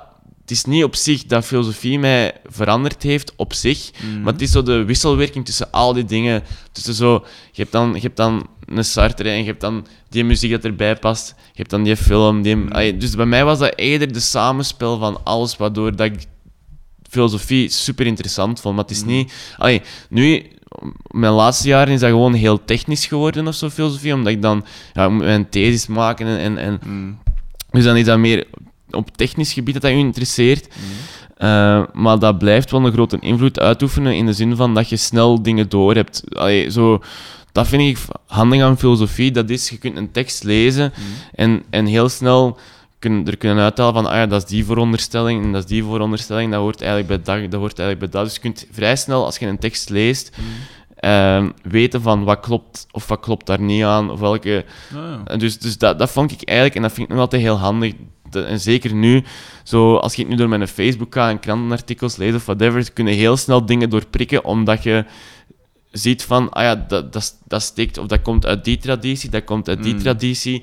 Wat waar, en, en, en je leert in filosofie de zwakke en de sterke punten van al die tradities kennen. Dus je kunt heel Ja. snel, je kunt, je kunt, je heel snel mee in, in bij vertogen of zo. Mhm. En, en dat vind ik ook heel interessant. Mm. Zo, dat je daarin, ja, dat je daarin mee bent. In, Mm. in, in, in de, zeker ook omdat alles gaat nu zoveel sneller. En filosofie geeft dus op een of andere manier instrumenten om daar mee om te gaan. Mhm. Want veel, veel ik denk, vaak denken mensen van al die filosofen die zijn zo, oh, ja, iPhone ik moet er niks van hebben, Ja, of, van die ik ben zo super traag, ja. zo, ik op mijn eigen wonen ergens op een berg eh, en een boekje schrijven in, de wou, in het woud of whatever. Maar ik vind dat filosofie op dat vlak u veel tools geeft om juist om te gaan met hoe dat alles sneller verandert. En zo. Tuurlijk, absoluut. Dus eh, Want, Ja. wat, was, want wat was u, wat wou jij van beroep worden? Geen idee. Eh, ik weet echt niet. Ik, ik, ik, ik- Ja, voorlopig is het niet nodig. om nee, te nee, nee, maar ik, ik, allee, ik wou eigenlijk nog altijd heel graag muzikant worden. Dat is nog altijd mijn doelstelling, maar dat is, dat is nog altijd heel moeilijk. Lukt vrij aardig. Luk, wel begint begint leuk te lukken. Maar ik zou ook graag bijvoorbeeld, en dat is ook iets, ik zou ook graag eens een keer een film maken, ik zou ook graag Mhm. een boek schrijven, ik zou, allee, zo, ik zou alles wel eens een keer willen uitproberen. Zo. Ik heb nog niet echt iets gevonden van, Mhm. ik zou ook wel graag lesgeven, maar dat is zo een beetje het plan van, als alles mislukt is in mijn leven, wat ik graag wou doen, dan ga ik lesgeven, heb ik veel vakantie, Ja. kan ik gelukkig oud worden, kan ik s'avonds een glasje wijn drinken, Mm. allemaal op het gemakje doen. Zo. Maar tot... Zoals de meeste van mijn leraars. Ja. Inderdaad. Oh ja, zo. Dan, ik, ik geef het op, het burgerlijk leven, ik omarm het met mijn, al mijn armen, ik ga ervoor, ik ga op de buiten wonen, een, een schaapje hier of daar, eh, een, een, een, een kipje hier of daar, en, en, en ja. Hmm. Nochtans een nobel beroep op zich. hè. Ja, absoluut, absoluut. Ja. Ja, ja, ik, ik hoop als, als ooit mensen dit interview horen, als ik mijn sollicitatiegesprek als leerkracht ga doen, ik ben echt super gemotiveerd. Maar echt, ik ben... En ik doe het vooral uit ideologische standpunten om de kinderen een betere toe- toekomst te geven. Voilà, Maar alsjeblieft. Geen nood, niemand gaat hier naar luisteren. You never know. Je weet, je weet nooit wat er gaat gebeuren. Dat is waar. Ehm, eh, wacht, hè. Ik, ah, ik had juist een vraag, maar ik ben ze nu kwijt. Eh, ah ja, boeken. Eh, wat je zegt, ik zou misschien wel een keer een boek willen schrijven. Ja. Wat zijn dus de boeken dat je graag leest buiten... Kant- kant- ik lees heel graag Engelstalige boeken, zoals bijvoorbeeld een Fight Club of zo. oh, van. Ja, ja, ja, geniaal boek. Mm. Eh, eh, dingen, Lights Out Wonderland van de, eh, de auteur. Zeg maar iets. wacht, ik heb hem hier liggen. Ah, hier. Deze. Lights Out Wonderland van D.B.C. Pierre heeft ook Ah, nog ja, de ja. Pulitzer Prize Dat gewonnen. is die van Vernon Got Little, die heb ik al gelezen. ja, ja, ja. Ja, dat is... Ehm, eh, ja, en ik lees, ook, ik lees ook heel graag biografieën van muzikanten of, of Ja. zo Nick Cave die een boek schrijft. Dat is altijd zo van, "Ah, cool. Eh, eh, dus, dus, maar ook heel graag zo graphic novels, comics lees ik ook heel graag. Eh, eigenlijk het minst graag, en dat komt misschien stom over, maar zo Nederlandstalig... Ja, ik ben vroeger... Ik heb vroeger heel veel Herman Brusselmans wel gelezen toen ik 16, 17 was. Denk zoals iedereen, Mhm. een beetje. Maar zo een echte goede Nederlandstalige boek... Ik, ik vind Nederlands op zich een mooie taal, maar Engels gaat sneller of zo bij mij. Ga, Mhm. Ik denk, bij Engelstaligen kunnen op min, met minder woorden vaak meer een, direct een atmosfeer meegeven dan Nederlands heb je vaak meer woorden nodig om Ja. alles, alles te verduidelijken of Ja, zo. je hebt ook een veel grotere woordenschat. Ja, ja absoluut. Ja, dus dat is dat, is, dat is bij mij zo. Als ik, als ik, ja, en, en ik heb ook altijd in mijn achterhoofd, en dat is misschien wel van vroeger, het gevoel van als ik naar een Nederlandstalige auteur lees. Zo, het echt het gevoel van, ja, ik ben een roman aan het lezen in, het, eh, in, in, de, in de Nederlandse taal. eh, zo, zo dat, dat elitaire daaraan of zo. Zeker. En ik vind bij Engelstalige boeken heb je, is, de- is die sfeer veel minder of zo, van, die- Mm. van dat elitarisme dat daar rondhangt Mm. of zo. Ehm, dus, dus ja, hoewel als ik een boek zou schrijven, zelf zou het wel in het Nederlands zijn, want mijn Engels is gewoon veel te slecht. ja, dat is wel... Maar het klopt wel wat hij zegt. En in de boekenwereld vinden ze dat zelf ook. Want ik zat onlangs bij een uitgever. Ik heb een tijd geleden al een, een boek uitgegeven. Allee, geschreven. Dat ze in opdracht van... Dat was een Ja. sportboek over, over Mark Wilmot. Ja. Zo wat een graantje meepikken van de WK. ja. En dat is niet echt mijn ambitie, maar ze, ze vroegen van, ja, wilde je dat doen? Ik zeg, ja, waar- Philip Joos kon niet of zoiets, of wat, niet weet ik veel. En ze waren met mij uitgekomen en ik zeg, ja, is goed. Eh, en ik had die na geschreven en zo, en onlangs zat ik dan weer samen met die, met die uitgever en hij zei van, ja... Want ik zei van, ja, maar ja, ik, ik heb wel een idee, zeg ik, voor, voor een roman, maar ja, dat is, dat is nog heel pril, zeg ik. Ja. En hij zegt, ja, ja, maar stuur mij zeker niet door, want allee, ik werk wel graag met u, want jij bent zo, zo totaal niet gelijk al die schrijver. Ik zeg, oeh. Ja, dat zijn toch altijd, ja, die bezien dat zo wel als een, een religie, zo, die zijn er zo serieus mee bezig. Ik zeg, ja, ja dat is iets waar ik inderdaad niet mee Ja, bezig ja, ja, ben. dat- Dus dat klopt wel, zo, dat elitaire... Ja, wel, ja, maar allee, ik bedoel, er zullen nog het, bijvoorbeeld zo, Herman Brusselmans hebben er ook eens een keer voor zijn boekenvoorstelling moeten spelen met, met school. En dat is dan weer zo een super lieve gast als Ja. je daarmee praat. hè. Dus dat is dan, die staat daar mijlen ver af, maar dan... Ja. Allee, maar dat gaat over, ja, ik, ik, dat is meer ook misschien iets dat in mijn hoofd zit, zo van dat elitarisme, maar ik kan dat niet aan doen als ik een Nederlandse boek lees. Dat is allemaal Ja. veel te serieus. En Ja, ja. als je bijvoorbeeld, en dat is wat ik in Engelstalige romans veel sneller vind, is humor. Is zo van, kunt wij kapot lachen met een Engelse boek, terwijl dat je dat in, in mijn Nederlandse boeken veel minder snel hebt of zo. Mm, Ja. En, Ja. Eh, want ik, ik kijk hier tussendoor zo rond naar al die Mhm. boeken. Ik zie uiteraard het geweldige 1984 van George Ah, ja, Orwell. ja, ja. Schitterende boek. Michel Welbeck, Elementaire Deeltjes, heb ik ook gelezen. Ja, Stephen Fry heb ik ook een boek van. ja. Ehm, maar eh, in hoeverre beïnvloedt dat u qua muziek? Want ik heb bijvoorbeeld wel, als ik ook muziek... Ik, ik schrijf zelf ook muziek en al. ja. En ik heb dan inderdaad ook dat, een film gelijk eh 2001 A Space Odyssey of zo. Ja. Dat, dat, dat, die, die, gans die sfeer, dat, daar blijft er wel zo'n paar dagen in. Ja, zal. Vind ik. en eh, ik, ik probeer dan zo kleine elementjes, zo kleine knipoogjes naar bijvoorbeeld van die films in bijvoorbeeld Ja. teksten of, of eh, stilistisch elementje waarvan dat ik enkel weet van dat is een verwijzing daarnaar. Ja. Of dat soort dingen. Of, of eh, ja, gelijk de film gelijk Donnie Darko heeft bij mij ook wel indruk gemaakt. En, Ja. en ik heb dan met boeken ook. Eh, bepaalde, ja, bepaalde dingen dat, je, dat wil bij u blijven, ook als je muziek Ja, maakt. ja, ja, ja. ja. Wat is dat dan bij u zoal? Ehm, dat is bij mij. goh, dat is moeilijk om direct zo een boek te noemen. Of, bij mij is dat heel vaak. Ik, ik luister bijvoorbeeld heel graag naar zo de, de, naar de muzieksoundtrack. Onlangs Gone Girl gezien met Trent Reznor die de soundtrack heeft gemaakt. Mm. Zo, ik denk vijf keer achter elkaar die soundtrack gewoon geluisterd, omdat dat zo geniaal is. En dan begin ik te denken van... Waarom gebruiken ze vaak zo- zo'n akkoordenschema's of die sounds niet in een gewone Ja. popmuziek of in een gewone muziek, maar dan gewoon wel toegankelijk gemaakt met een, een tekst erbij of zo. Ja. Dus dat zijn zo dingen dat ik heel snel dan wel zo van zoiets heb van, oké, dat wil ik gebruiken. Of bijvoorbeeld, proberen, ik heb, ik heb een- pas een paar dagen geleden Pie gezien van eh, Darren Aronofsky ook. Mhm. Ehm, en dan leg ik, leg ik direct de link met bijvoorbeeld Joy Division of met Savages ook bijvoorbeeld. En dan heb ik direct zo het gevoel van, oké, dat, is, dat is veel abstracter.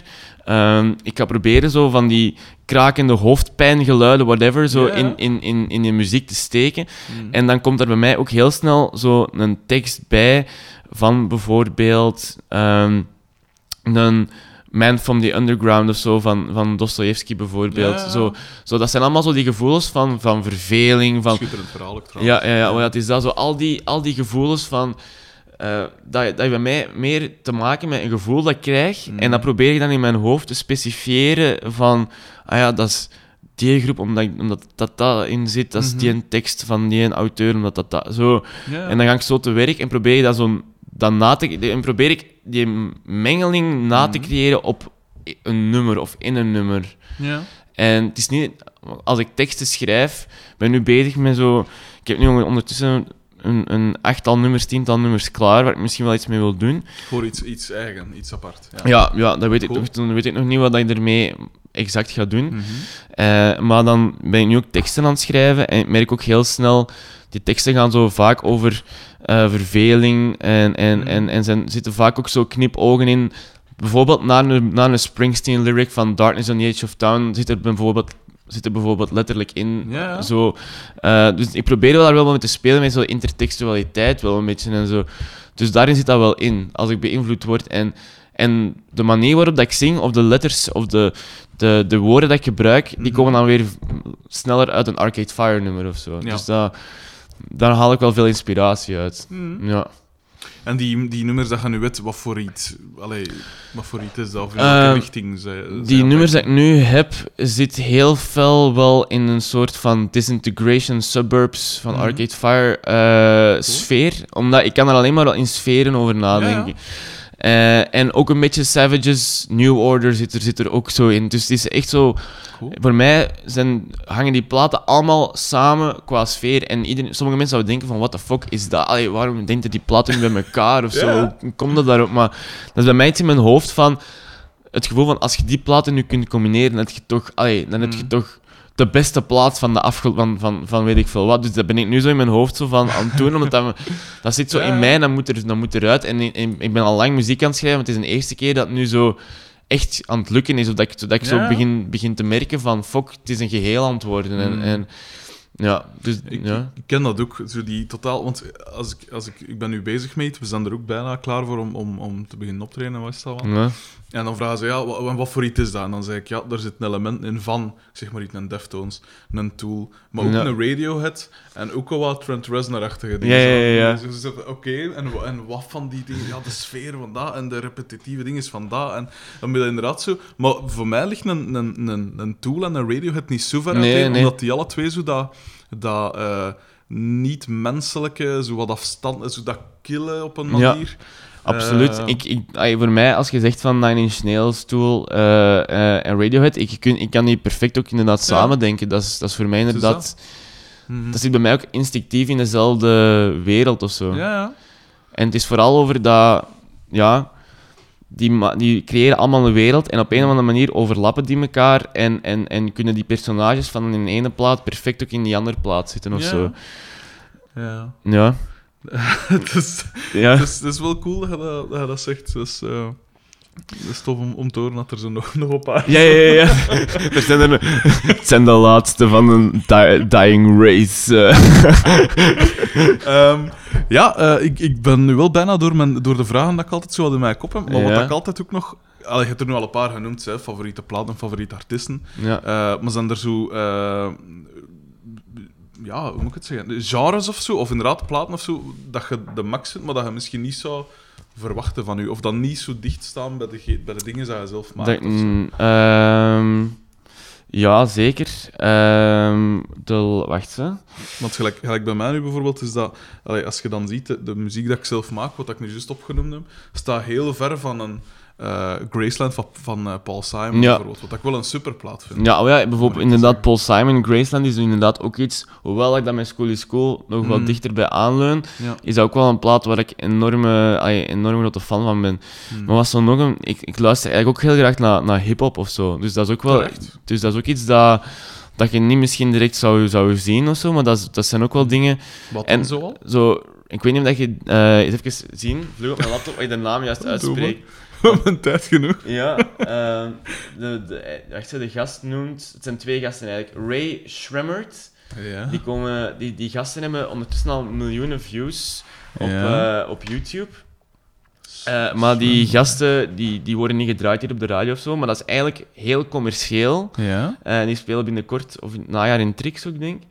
eh, in een grote zaal, maar niemand, niet veel mensen kennen die of zo. Maar dat Ja. is echt zo van die, ja, allee, zo bijna gangsta, maar tegelijkertijd straight edge. Omdat die, Ah, ja. dat zo, bijvoorbeeld, Cool. die hebben een nummer, No Flex Zone, en dat gaat letterlijk over het feit van dat ze eh, de, de, de rappers met, met hun bling en zo echt Ja. zo haten. En dat Ja. zo, deze No Flex Zone betekent van in deze zone komt er geen bling of geen reputatie naar voren Niet of zo. onterecht. Ja, maar ja, het is dat. Dus, en dat vond ik, dan had ik wel zoiets, en dat zijn ook jong gastjes, ja. dat was zo 18, 17, 18, dus dan had ik wel zoiets van, oh, fucking cool. Ja, een nieuwe Kendrick Lamar plaat. Ik ga dat noteren. Ik moet zeggen, Kendrick Lamar, ik heb, ik heb, het wil nu lukken dat ik er van de morgen nog naar luisteren, maar wel nog die een, die een eh, Mad, Mad City of wat is Ah, ja, dat? ja, ja. En ik moet zeggen, ik, ik, ik vind het niet zo speciaal. Nee, ik, ik, vind, ik vind dat een toffe plaat, maar ik snap ook wel niet waarom dat je nu eens nu mensen zoiets hebben van dat is echt super, de max, dat is de beste hip-hop plaat in de laatste tien jaar. Allee, zo? Dat heb ik ook absoluut niet. Dat is, en het ding, het ding is wel, dat wordt vaak gezegd door mensen die dat eigenlijk dan nooit naar hip-hop luisteren. dus dat was wel zo, dat, dat gevoel waar. heb ik ook wel zo. En dan voor de rest, ja, ook een super grote fan van Dead Grips, ja. Ja. Dat is ook iets wat ik, ook door een drummer, door Zack Hill, Mhm. een waan- waanzinnige drummer. En ook door hun... Dat vind ik leuk, ook aan... Dat is ook zoals groepen bij Savages, maar ook Dead Grips. Als die spelen, dan hebben die niet zoiets van... Ik ga even mijn nummertjes voor een publiek spelen, wachten op applaus en dan het volgende nummer spelen. Mm. Maar dat is echt gewoon... Dat is ene, ene performance of zo dat die Ja. doen. Met noise ertussen, met alles wat, dat je, wat dat eigenlijk mensen zou van weg willen weglopen of zo, Ja. steekt daarin. En dat vind ik vaak het strafste aan optreden. Dat is dat, dat je probeert om daar zo'n geheel van te Ja. maken, dat dat eigenlijk doorprikt wordt, dat je zo, ah ja, Dus, ja, ja, en tuurlijk. nu een volgende nummer. Dus Ik heb dat, exact hetzelfde. Dat je Ja. inderdaad, want ik heb een tijd, ah, wel met hetgeen waar ik nu bezig ben, heb ik al een paar keer heb ik wel eens opgetreden met andere gasten. ja, En toen hebben we inderdaad gewoon eh, tussen nummers, we hebben al die nummers zo wat aan één hangen, ook met, met, met soundscapes en weet ik veel. ja, ja, ja. Dat je inderdaad één trip hebt, zo gezegd, één, allee, pak een half uur, dat je even in een ander ding zit, Ja. zoals met een projectie en van alles, ook op ons. Ja. Eh, alle lichten uit, enkel die projectie. En dat je even gewoon in een andere wereld zit. En Ja. dat vind ik altijd cool aan bands, als ze dat ook doen. absoluut. In Dat plaats van gewoon nummerke, een applaus, nummerke, een applaus, nummerke. Ja, Dat, eh, nee, dat... dat is, dat is zeker zo. Hmm, En voor de rest, eh, ja, ABBA, grote ABBA-fan ook. terecht. Ehm, eh, ja, zo. Eigenlijk ook Nile Rodgers, heel grote fan ook van eh, alles wat die gast eigenlijk heeft gedaan. Met chic en zo, dat we niet direct denken, maar ik vind dat wel echt een heel Wat- straffe Wat gast. vond jij van die laatste Daft Punk-plaat dan? Ah, die vond ik wel niet goed. Ik vond die zo over... Ik, ga- ik ben ook totaal niet voor hypes en zo. Nee, En nee. Ik vond die zo ongelooflijk overschat. Ah, die klinkt goed, hè. dat is perfect Ja. geproduceerd en al. Maar ik denk dan, allee, al die dingen. Nile Rodgers op zijn alleen heeft al veel coolere dingen. Oh, als ja. wat ze toen. Dat gevoel had ik ook bij toen ik Get Lucky uitkwam. Zo van, is deze nu Daft Punk of is Ja. deze gewoon Nile Rodgers die dat Voilà. eigenlijk zijn eigen ding doet, maar Daft Punk is er gewoon even bij. ja, Allee, gewoon even een voco erop gezet. Ja, ja, ja, zo. We're, hello, we're Daft Punk. Ja. Eh, allee, dus dat... Ja, daarmee, ik ben wel een grote fan van Nile Rodgers. Als je ziet wat dat hij heeft gedaan met, allemaal, alle art, met superveel artiesten, die Mhm. heeft hij eigenlijk bijna allemaal zo in excess? Duran Duran. Dat zijn allemaal Ja. Super straffe gast. En met de laatste Daft Punk, Ja, inderdaad. Het ding is natuurlijk van dat wordt zo gepusht dat dat uiteindelijk een hit wordt. Maar ja, het wordt wel weer een wereldhit. Dus, Mm. Maar dat vond ik nu ook wel niet het beste voorbeeld van wat, wat dat Nile Rodgers Nile Rodgers Nee, maakt. zeker niet. Dus, want dat is ook zo het gevoel van hij doet weer iets vernieuwend. Maar dat gevoel had ik eigenlijk echt Nee. niet. Zo Get Lucky, dat, is echt, dat kon in de jaren 70 ook al perfect. Voilà, inderdaad, met een, met een iets minder een basdrum. Allee, Ja, ja, ja. ja. Ik had exact, exact hetzelfde. En met nog iets andere eh robot-outfits ook, denk ik. zeg Ronnie, eh, we maken eh plastieke karton, eh, we steken dat van onze kop en we zijn de robot. Ja, dat is goed, Jan. Dat is goed. Zo, ik zie dat perfect voor mij. Ja, dat dat- tuurlijk. Allee, toffe liedjes en zo, maar totaal niet wat dat... Wat dat allee, ja.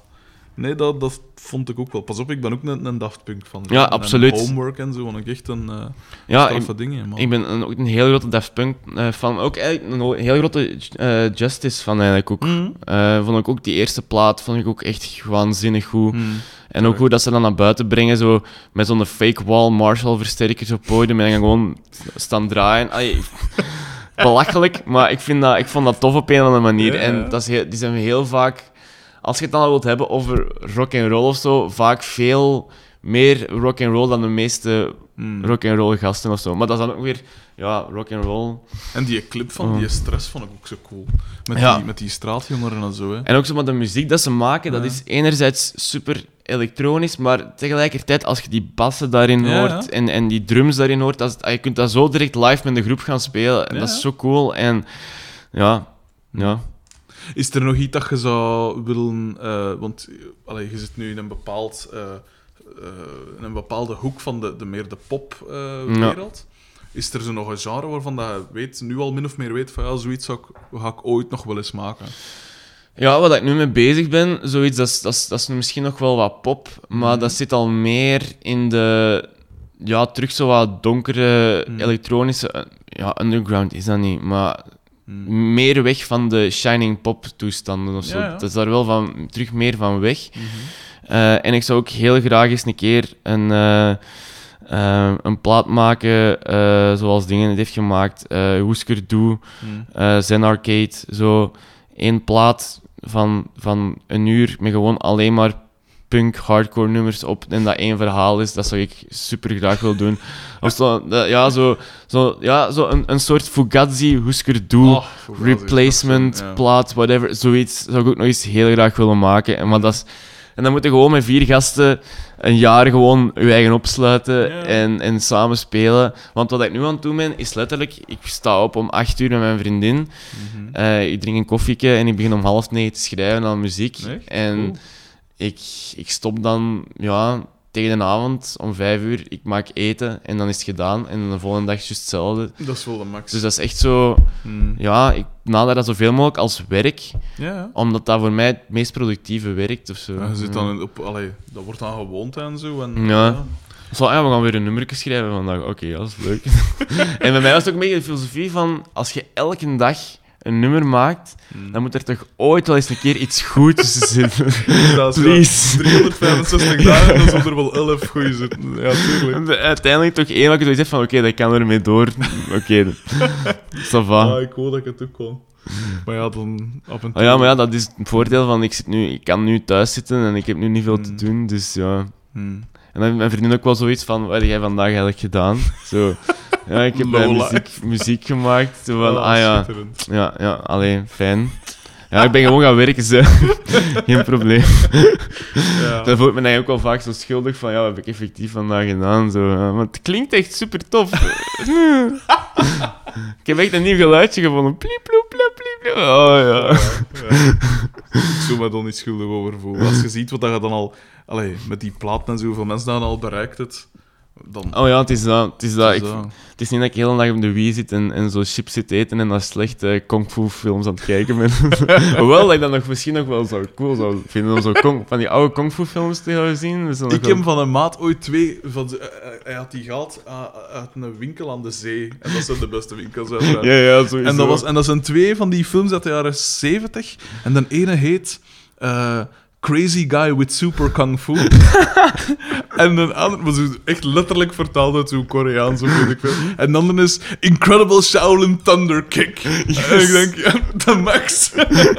maar ik heb ze nog niet bezien, spijtig. Ik ben echt zo bijna op tantrische wijze aan het uitstellen. Ja, ja, Ik het- die brigade. Nu moet ik ze, nu moet ik ze zien. Maar, Maar je hebt dat- ook zo'n een, een, een, eigenlijk een bullshit film. Zijn maar dingen, Kung Pao, ik weet niet waar. Nee, nee, nee, nee. Dat is van een van de makers van zo Ace Ventura. Ja, oh, nice. Ja. En, eh, en dus zo wel zo geestig, maar ook zo wat onnozel en zo wat belachelijk soms. Maar die een, eh, het, het schitterende aan die film is dat een zo, eh, ze men beelden uit een oude kung fu film gebruikt.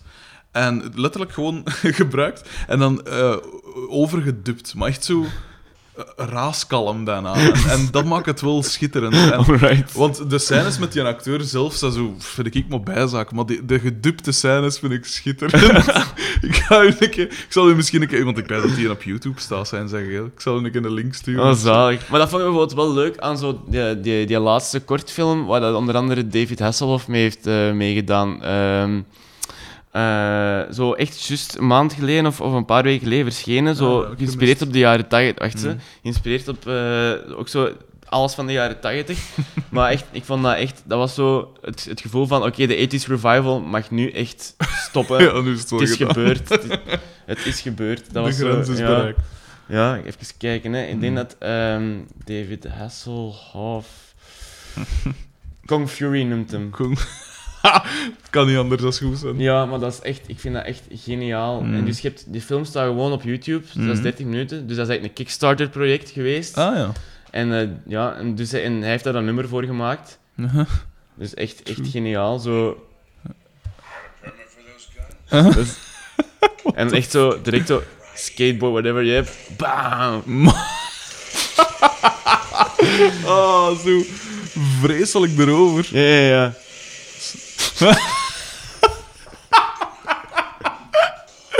Ja, oké, die, die Dus- check ik vannacht nog. Ja, ja, maar het is echt zo... Alles in die stijl, zo... Het is wel mooi vormgegeven. Ja, ja, ja, maar het is echt, ik vind het eigenlijk echt heel cool gedaan. Ja. Zo, alles wat dat in de jaren 80, begin jaren 90 film cool maakte, zit daarin. Zo, die Ja, hebben ja. het heel goed begrepen wat dat is. Schitterend. En zo ook zo met zo, ik ken net zo Ja, ja. een vestje met zo van alles van achterop. Oh, man, zo cool. Ja, die ga ik zo... my god. Ja, voilà, dus... Ja, ja.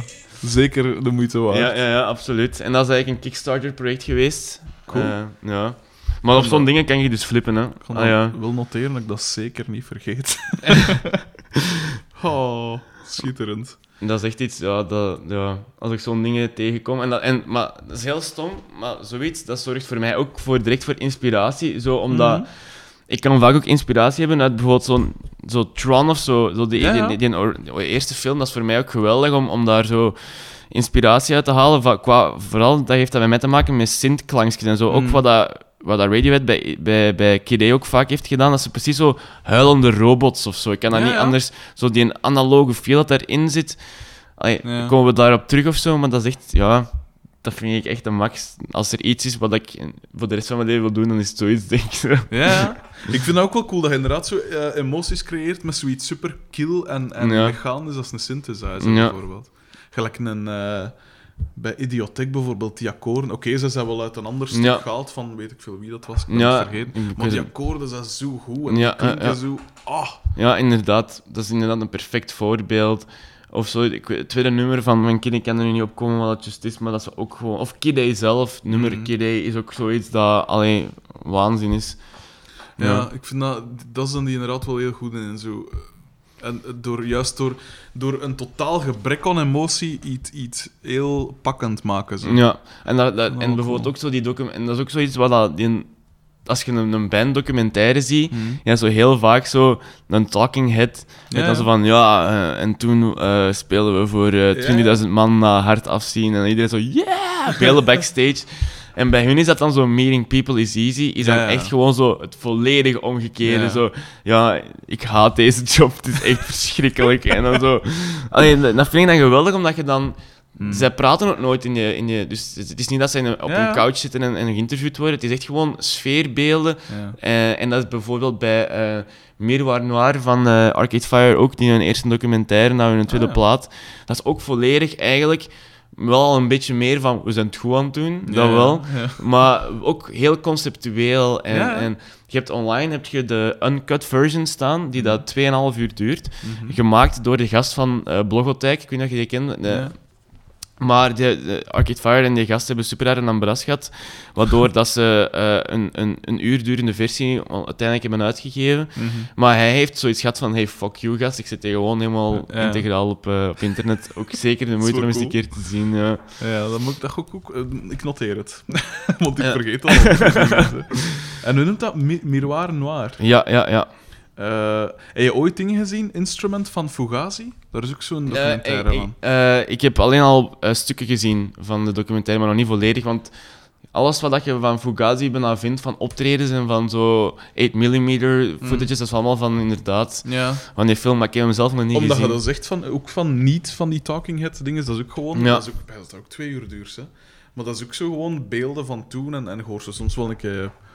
pra- Allee, ze- er zijn zo beelden van dat ze op een school zo geïnterviewd worden door zo de, de... Die scholen hebben er ook allemaal zo een eigen tv-zender ja, of radiozender. ja. en veel- En zo, echt zo'n studenten dat er eigenlijk niet van geschikt is, die zit er zo echt met zo'n verveelde blik in haar ogen. Zo. En, eh, en zij vertellen daar dan over. En dat is echt wel is echt een coole film. Ook heel inspirerend, vond ik. Ja, Eh, van mindset, van sfeer, van dingen. ja, Instrument van Fugazi. ja, de- ja, ja, inderdaad. Mm. De- dat zijn ook dingen zo van die documentaires van, van groepen. Dat zijn dingen dat je ook zo hard kunnen inspireren om. Mm. Zo, ook zo Sin Britannica, dat is ook een super cool Ja, documentaire. Ja, Zo, zo van die dingen, allee, ja, daar kan ik ook wel. Mm. Als ik niet muziek aan het maken ben en mijn lief vraagt van wat heb je deze, na- deze namiddag gedaan, ja, ik heb gewoon wat dingen op YouTube zitten.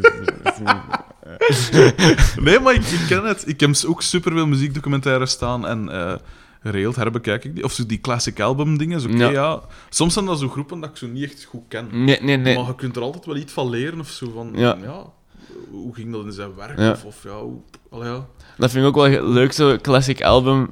Dat is ook dan weer zo super grappig. Zo, dat, dat is zo heel vaak dat, dat, zo, dat je dan zo inderdaad zoiets hebt van ja, en we, waren, we zaten echt vast met nummer en toen kwam de mic met zijn lepels uit de keuken en dan hebben we dit opgenomen. Ja. En dan zo, als ze zo één ding horen. En dat is, ik vind dat ook altijd zo grappig, zo, hoe dat ze dat dan zo na terugvertellen. Dat is zo, Nee.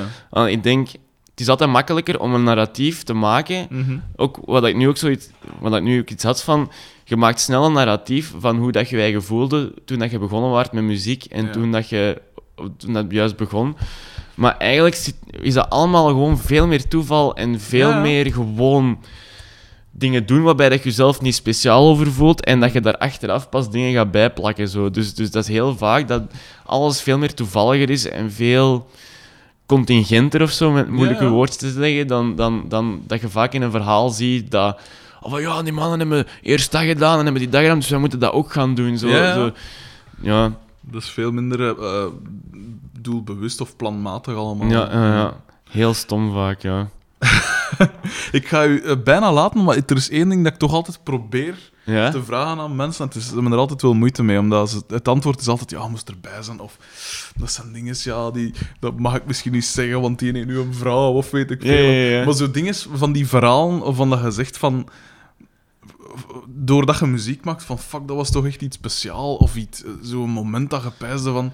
Vooral omdat je nu, nu zit, je werkt dan samen met, met Arne bij, bij Team William. Ja. En daar heeft Floris mij al dingen van verteld, van, van die wakko, die, gelijk die 15 bananen is ook weer zoiets. En je hebt met, met Andrew, wat ook wel zo in, dat ze een keer iets, iets raarder deed misschien. Of, Ja, dat, dat viel eigenlijk wel mee. Op dat vlak, eh, Andrew is wel heel energiek op podium, maar is gecontroleerd als Arne. Bij Arne, Ah, ja. kun, bij Arne kun je effectief... Weet je het gewoon echt niet. ik, ik, kan- ey, ik heb zo Floris die dat bijvoorbeeld zo... Een, die moesten op Rock Olm spelen, een paar, jaar geleden. Mhm. En daar stond niemand. Dus eh, op het einde, uiteindelijk is... of wat hadden ze gedaan? Ze hadden... eh, ik denk... Floris of Arne, ik weet niet of dat een van de twee was, hadden ze in... eh, ik denk dat... Nee, het was, eh, het was, het was Arne, denk ik. Hadden ze in duct tape ja volledig getaped, maar die had... Ja, die kon niks meer spelen. Dus dat was het concept van Arne die dat in het begin los moest komen om op keyboard te kunnen spelen. Ja. Dat, dus, maar zo'n dingen dat vond je bij Andrew niet. Dus Nee. dat- op dat vlak was, was dat wel gecontroleerder. Maar om te zeggen, een van de momenten dat ik echt wel heel dat ik impressive vond, dat was Mm. het de eerste keer Werchter staan. Mhm. Dat was voor mij echt zoiets van: what the fuck is deze? allee, dat kan echt niet. Wel. Eh, en, maar het absurdste misschien is in Zwitserland, twee jaar geleden. Mhm. Eh, de eerste keer, we moesten een dag ervoor in Londen spelen. En dan een dag erna moesten we in Zwitserland zijn. Dus daarmee de eerste keer een bus gepakt met een nightliner. Dat was op zich al zoiets van: wow, amai, we zijn echt, we zijn echt goed bezig. amai. En dan eh, naar, naar Zwitserland gereden, aangekomen, een festi Palio Festival. En eh, wij moesten tijdens Smashing Pumpkins spelen. Eh, maar wel afsluiten. En maar wij dachten van, ja, niemand, niemand gaat naar ons, naar ons, naar ons dingen komen. En vlak voordat wij begonnen, was er geen kat. Echt Mhm. niemand. En toen dat wij opkwamen, begon dat ineens zo vol te lopen. En dat was ineens, ik denk voor, ja, voor 6, 7000 man in Zwitserland gespeeld. En er waren mensen bij die, die alles konden meezingen. En, en, zo dat, en voor mij was het vooral niet zozeer... Het was ook dat optreden, maar zo alles erbij. Zo van, Mhm. je gaat slapen in Engeland en je wordt wakker in de Ja. Alpen. Zo, en dat je zo echt zo iets hebt van, deze kan niet. Deze, Ja. allee, dat, wat, wat, ben ik nu aan het doen? Ja. Zo, allee, dat was de eerste keer dat ik echt zoiets had van, wow, Ja. dat vind ik wel echt de max als ik deze nog kan blijven doen. Maar, en dan, nu ben ik nog aan het zoeken naar een, een grappig verhaal. Ja, forceer u niet. Nee, nee, nee, maar het- er, er zijn er wel. Maar het- Mm. eh, ik denk dat het, het, het, het- een van de grappigste dingen dat we hebben meegemaakt, niet grappig voor de persoon in kwestie, ehm, is, eh, dat was eh, Nicolas, onze, onze backliner, eh, die een, we speelden op Werchter toen. Maar wij moesten om één, half twee eh, 's middags spelen, dus daarna, iedereen had zoiets van, het is gedaan, en we vliegen in een boost. Eh, ehm, en dus zo, ja, we waren wel aan het drinken, maar Nicola was toch wel echt goed, echt goed bezig. En, ehm, en dan, eh, dus hij komt zo, ja, we er niet meer tegen. En ik kom dan dag erna terug zo eh, op Werchter en eh, iemand van de organisatie spreekt me aan, zo van... eh, ja, alle eh, dat we deze morgen al een backline hebben kunnen bereiken, want anders hadden we met, met onze F-trucks zijn, zijn camionetten moeten gaan verzetten. En ik zo, wa- wa- wa- wat is er gebeurd? Eh, en het bleek dat Nicola Strom bezopen eh die avond eh, in de marquee terug binnen wou via de, de middengang. Maar dat mocht niet, dus die, die moest, je moest langs zij gaan. En dat is een, een West-Vlaming, Ostense Fury zit er wel in. En eh, dus ja, we zijn kloten beginnen maken. Zo van, eh, wat ga je doen? Wat ga je doen? Nee, wat, wat ga je doen? Gaan we een bandje afknippen? Ja, inderdaad, bandje afgeknipt. Eh, buiten gezet, Flik heb gebeld, heeft een nachtje in Leuven gezeten. En, maar dus zijn camionet stond nog aan de load-in van Ah, de ja, barn. ja, ja. Eh, met het probleem, wie moest dat nu weer spelen? Ja, een of andere diva, ik weet het niet meer. Eh, ik denk dat dingen was, ja, ik weet het niet meer wie dat juist was. Eh, en eh, ja, dus oftewel moesten ze hem nog bereiken en de camionet wegzetten, oftewel effectief binnenbreken en met een heftruck die een, eh, gaan verzetten. Dus dat- en daarna had ik echt wel zoiets van, damn, dat is wel, dat is wel rock'n'roll, Nicola. Dat is wel, eh, dat is wel straf. Schitterend. Dat is, dat is wel straf. Dus, eh, ja. Maar voor de rest, hebben we op, op het algemeen zijn wij eigenlijk niet zo'n groep dat, dat, dat eigenlijk veel zotte dingen meemaakt of zo. Mm. Als we worden tegengehouden door de wegpolitie omdat ons busje overladen is, dan zal het al rock and roll zijn. Eh, you, guys have too much weight on your van. eh, zo, ah ja, oké. eh, yes, we zijn rock and roll. We zijn overladen. Yes! Nee, nee, dat is... Fuck the man. Ja, fuck the police, yo. ja. Eh, ja, allee, eh, dan, eh, ja, ik- dan ga ik je gerust laten. Hè. Ehm, dat je er Perfect. kunt voorschrijven, want we zijn hier al twee uur van uw kostbare schrijftijd. Ah, nee, nee, nee, maar ik had vandaag een rustig dagje dat gezien. ingecalculeerd. Ja, ja. Eh, alleszins, merci dat ik mocht afkomen. Dat is heel graag gedaan. Heel tof. Merci ook voor die beelden van die een, toen dat je naar Londen gaat Ah, spelen. ja. Met die, met die gast altijd. Dat was Wie Rien. was dat? Dat was Rien. Eh, die Ah. is nu eigenlijk... eh, die was toen mee met ons eh, als, man- als stagiair bij management, denk Ja. ik toen. Die werkt nu eigenlijk onder andere voor Coeli en zo. Ah, ja. En voor... eh, heeft een eigen, die speelt ook bij Soul... Dat is eigenlijk iemand van Soul Shakers. Kun je dat je die kent, dat is zo'n Ja, DJ-duo. ja. Dus eh, ehm, ja... Dat was shit. Ik heb Ja. me toen... Want ik, dat, was, ik- dat was al toen s'nachts, we waren aan het weerkomen, ik weet dat nog. Ja, van- ja, ja, dat was echt verschrikkelijk. Op die ferry en, en ja, die mens viel constant in slaap. En, en dingen, An- Andrew had die camera vast. En ik, ik zag hem altijd, ik zat van opzij, dus ik, zag, ik zag de twee dingen. Alleen links zat, zat Andrew en rechts zat dingen. Dus ik zag dat zo, gelijk op, op een film echt zo. Hè. En Ja. Elke keer als hij zo wakker ging, ging die camera zo weer naar beneden. Altijd als het weer in de weer. Ik heb mij. Oh, en zeker als je dan vermoeid bent en zo, dan... Ja, dan, dan blijven we daarin steken. Ik had dat ook echt... dat- Oh, dat was ook, zo we hebben zoveel filmpjes van, van, van zo in het begin, toen we naar het buitenland gingen. En dan merkte ook van hoe, hoe later en hoe vermoeider dat je zei, hoe belachelijker en hoe minder filter dat er op je Ja, mond zit. En wat, dat, wat dat je allemaal zegt en wat dat je allemaal doet, dat is echt ongelooflijk. Maar, Dat is oh man, Dat echt. is wel cool. Ja. ja. Maar Maar ik heb het aan Gans bezien en ook gewoon We hebben ervoor. we hebben er echt maar... Maar het, het, gra- het grappigste is ook zo... Ja, Andrew is daar ook heel goed in, in zo te knippen en te plakken met allemaal dingen. En hij heeft ook zo één filmpje gemaakt van eh, dat we allemaal... eh, wacht, ik zal eens zien dat het er nog op staat. Eh, dat we allemaal aan het slapen zijn in de bus. En eh, een compilatie... eh wacht even, dat staat op het YouTube-kanaal. Ehm, ja, en daar is hij, was hij echt heel goed in. Als hem iets Hmm. goed kan, is, dan is hij mensen te kakken zetten. En zo, dat is echt... Dat is er echt genius in. Ehm, wacht. Eh, ja, heel veel van die vlogjes dat hij heeft gemaakt. Ehm, erop. Ging daar trouwens veel overleg in, in dat soort dingen? Of werd dat gewoon gedaan? Nee, dat werd echt aan het... We wel zoiets van, oh, het zou wel cool zijn moesten we zo wat beelden hebben van als we, als we onderweg zijn of als we op Hmm. het buitenland zitten. Maar dat was echt gewoon Andrew die dan aan een tijd gewoon alles begon te doen. En hoe belachelijker, hoe beter. Want ik weet ook nog zo van de laatste plaat dat we hebben gemaakt, hebben we ook nog een, uiteindelijk drie vlogs gemaakt die dat echt zo van... ja, zo van iemand die dan ja, de, de scheet laat. was ja, ja, dat steken we erin. Garantie. Ja. Iemand zie slapen. Iemand zie slapen is altijd Ja. zo goed. Zo die, die kwetsbaarheid ook Ja, zo. ja. Zo even ertussen flashen. Zalig. Ja. Maar ik weet nog, toen was Gunther mee met ons. Wij, wij mochten Gunther niet filmen. Schitterend. Schitterend. Oh. Ik weet dat we toen Gunther niet mochten filmen, want dat was toen ook toen dat we dat de mee in- naar Engeland ging. En dat was Ja. ook zo, ah ja, we mochten wel filmen, maar... maar zo, af en toe hebben we er toch ingestoken. Zo. Tuurlijk, ja. Oh, dat is zo goed.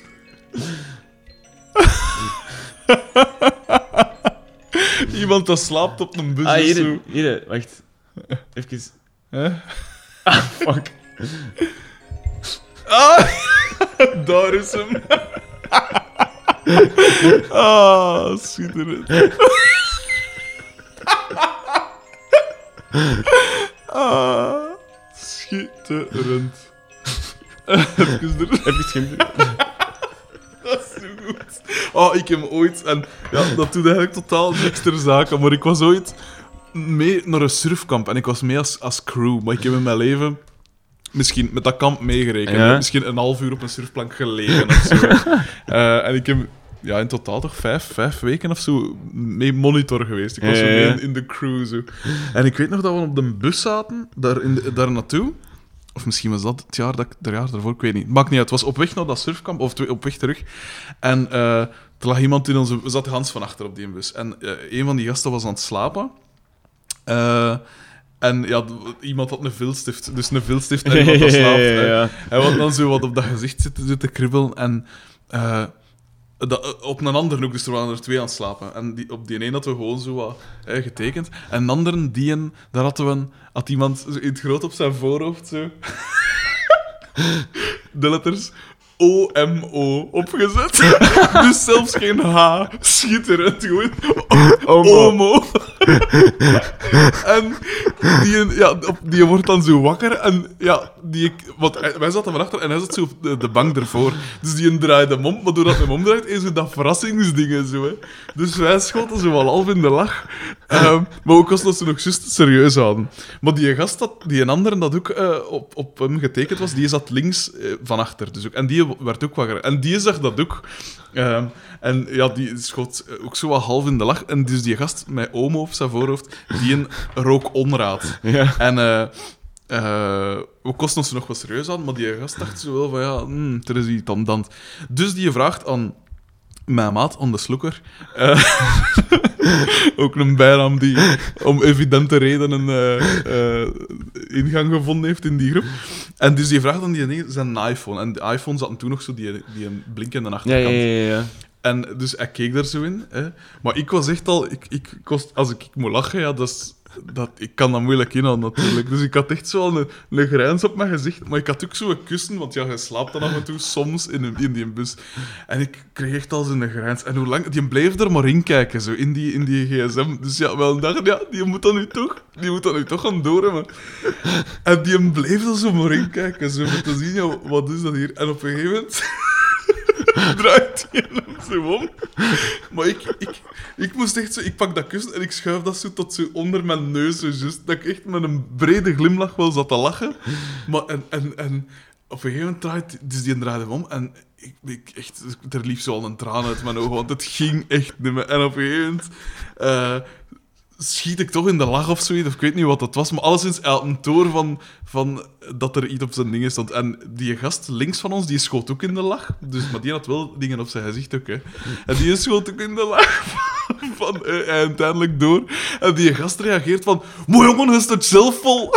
En die zijn gezicht ging echt van zo'n brede glimlach, zo'n afgrijzen, echt zo op, van de ene moment op de andere. En ik heb echt tien minuten echt straik gelegen tot en met. Maar ook gewoon dat moment dat ik zo dat kussen zo gewoon naar boven moest. moest oh, dat, oh, dat was zo. Iemand dat slaapt is zo goddelijk om, om iets mee uit. De verleiding is Ja, te ja, ja. groot. Die is zo weerloos en, Oh. en, en ja. Schitterend. ik denk dat je er hier ook nog een hebt van onze geluidsman die ook aan het slapen is. Uh-huh. Echt, hè? Ja, ja, ja. Dus, Ah, de, de tars, ja, een inderdaad. Tars. Die dan even gitaar speelt. Nee. En, maar Tars die stapt ook veel in de van, dus. Ja, Dus, eh, ook met zo'n kap. Zo. Schitterend. De max. Ja. Dat zijn dus dingen waar wij ons mee amuseren als wij onderweg zijn. Terecht. Dat is echt goed gedaan. Ja, maar dat is echt... eh, Ja. Echt schitterend gedaan. Ah, ik kon al die filmpjes een keer moeten checken, want het is te goed. ja, maar Andrew is daar echt super goed aan. Ik zeg het, er zitten ook echt zo van die... eh, pff, kijk, eh, dingen in. Uh-huh. Ehm, Dat kan ook wel eens. ja. Alleszins, ik ga je laten. Ik, vond, ik zeg het, ik vond het super tof. En zeker ook dat laatste stuk nu. Ehm, merci, echt waar. Ja, dat Mocht gedaan, dat gedaan. Het was ook vrij last... Allee, vorige week hebben we dat pas geregeld. ja, Ehm, merci dat je ook zo rap kost dan al. dat is geen enkel probleem. Het is dat, ik heb nu tijd. Ehm. Als het nu over een maand geleden... over een maand was geweest, dan was het moeilijker geweest, Ja. omdat ik gewoon aan het veel aan het spelen ben. Dan, maar nu ben ik nog low life. Ja, tuurlijk. Ehm, ja, eh, veel succes ook met zowel eh, School is Cool als eh, Team William.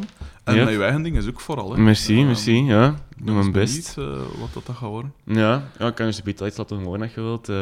Oh ja, dat mag altijd, maar voel je zeker niet. nee, nee. Dus alleszins bij deze, merci. Graag gedaan.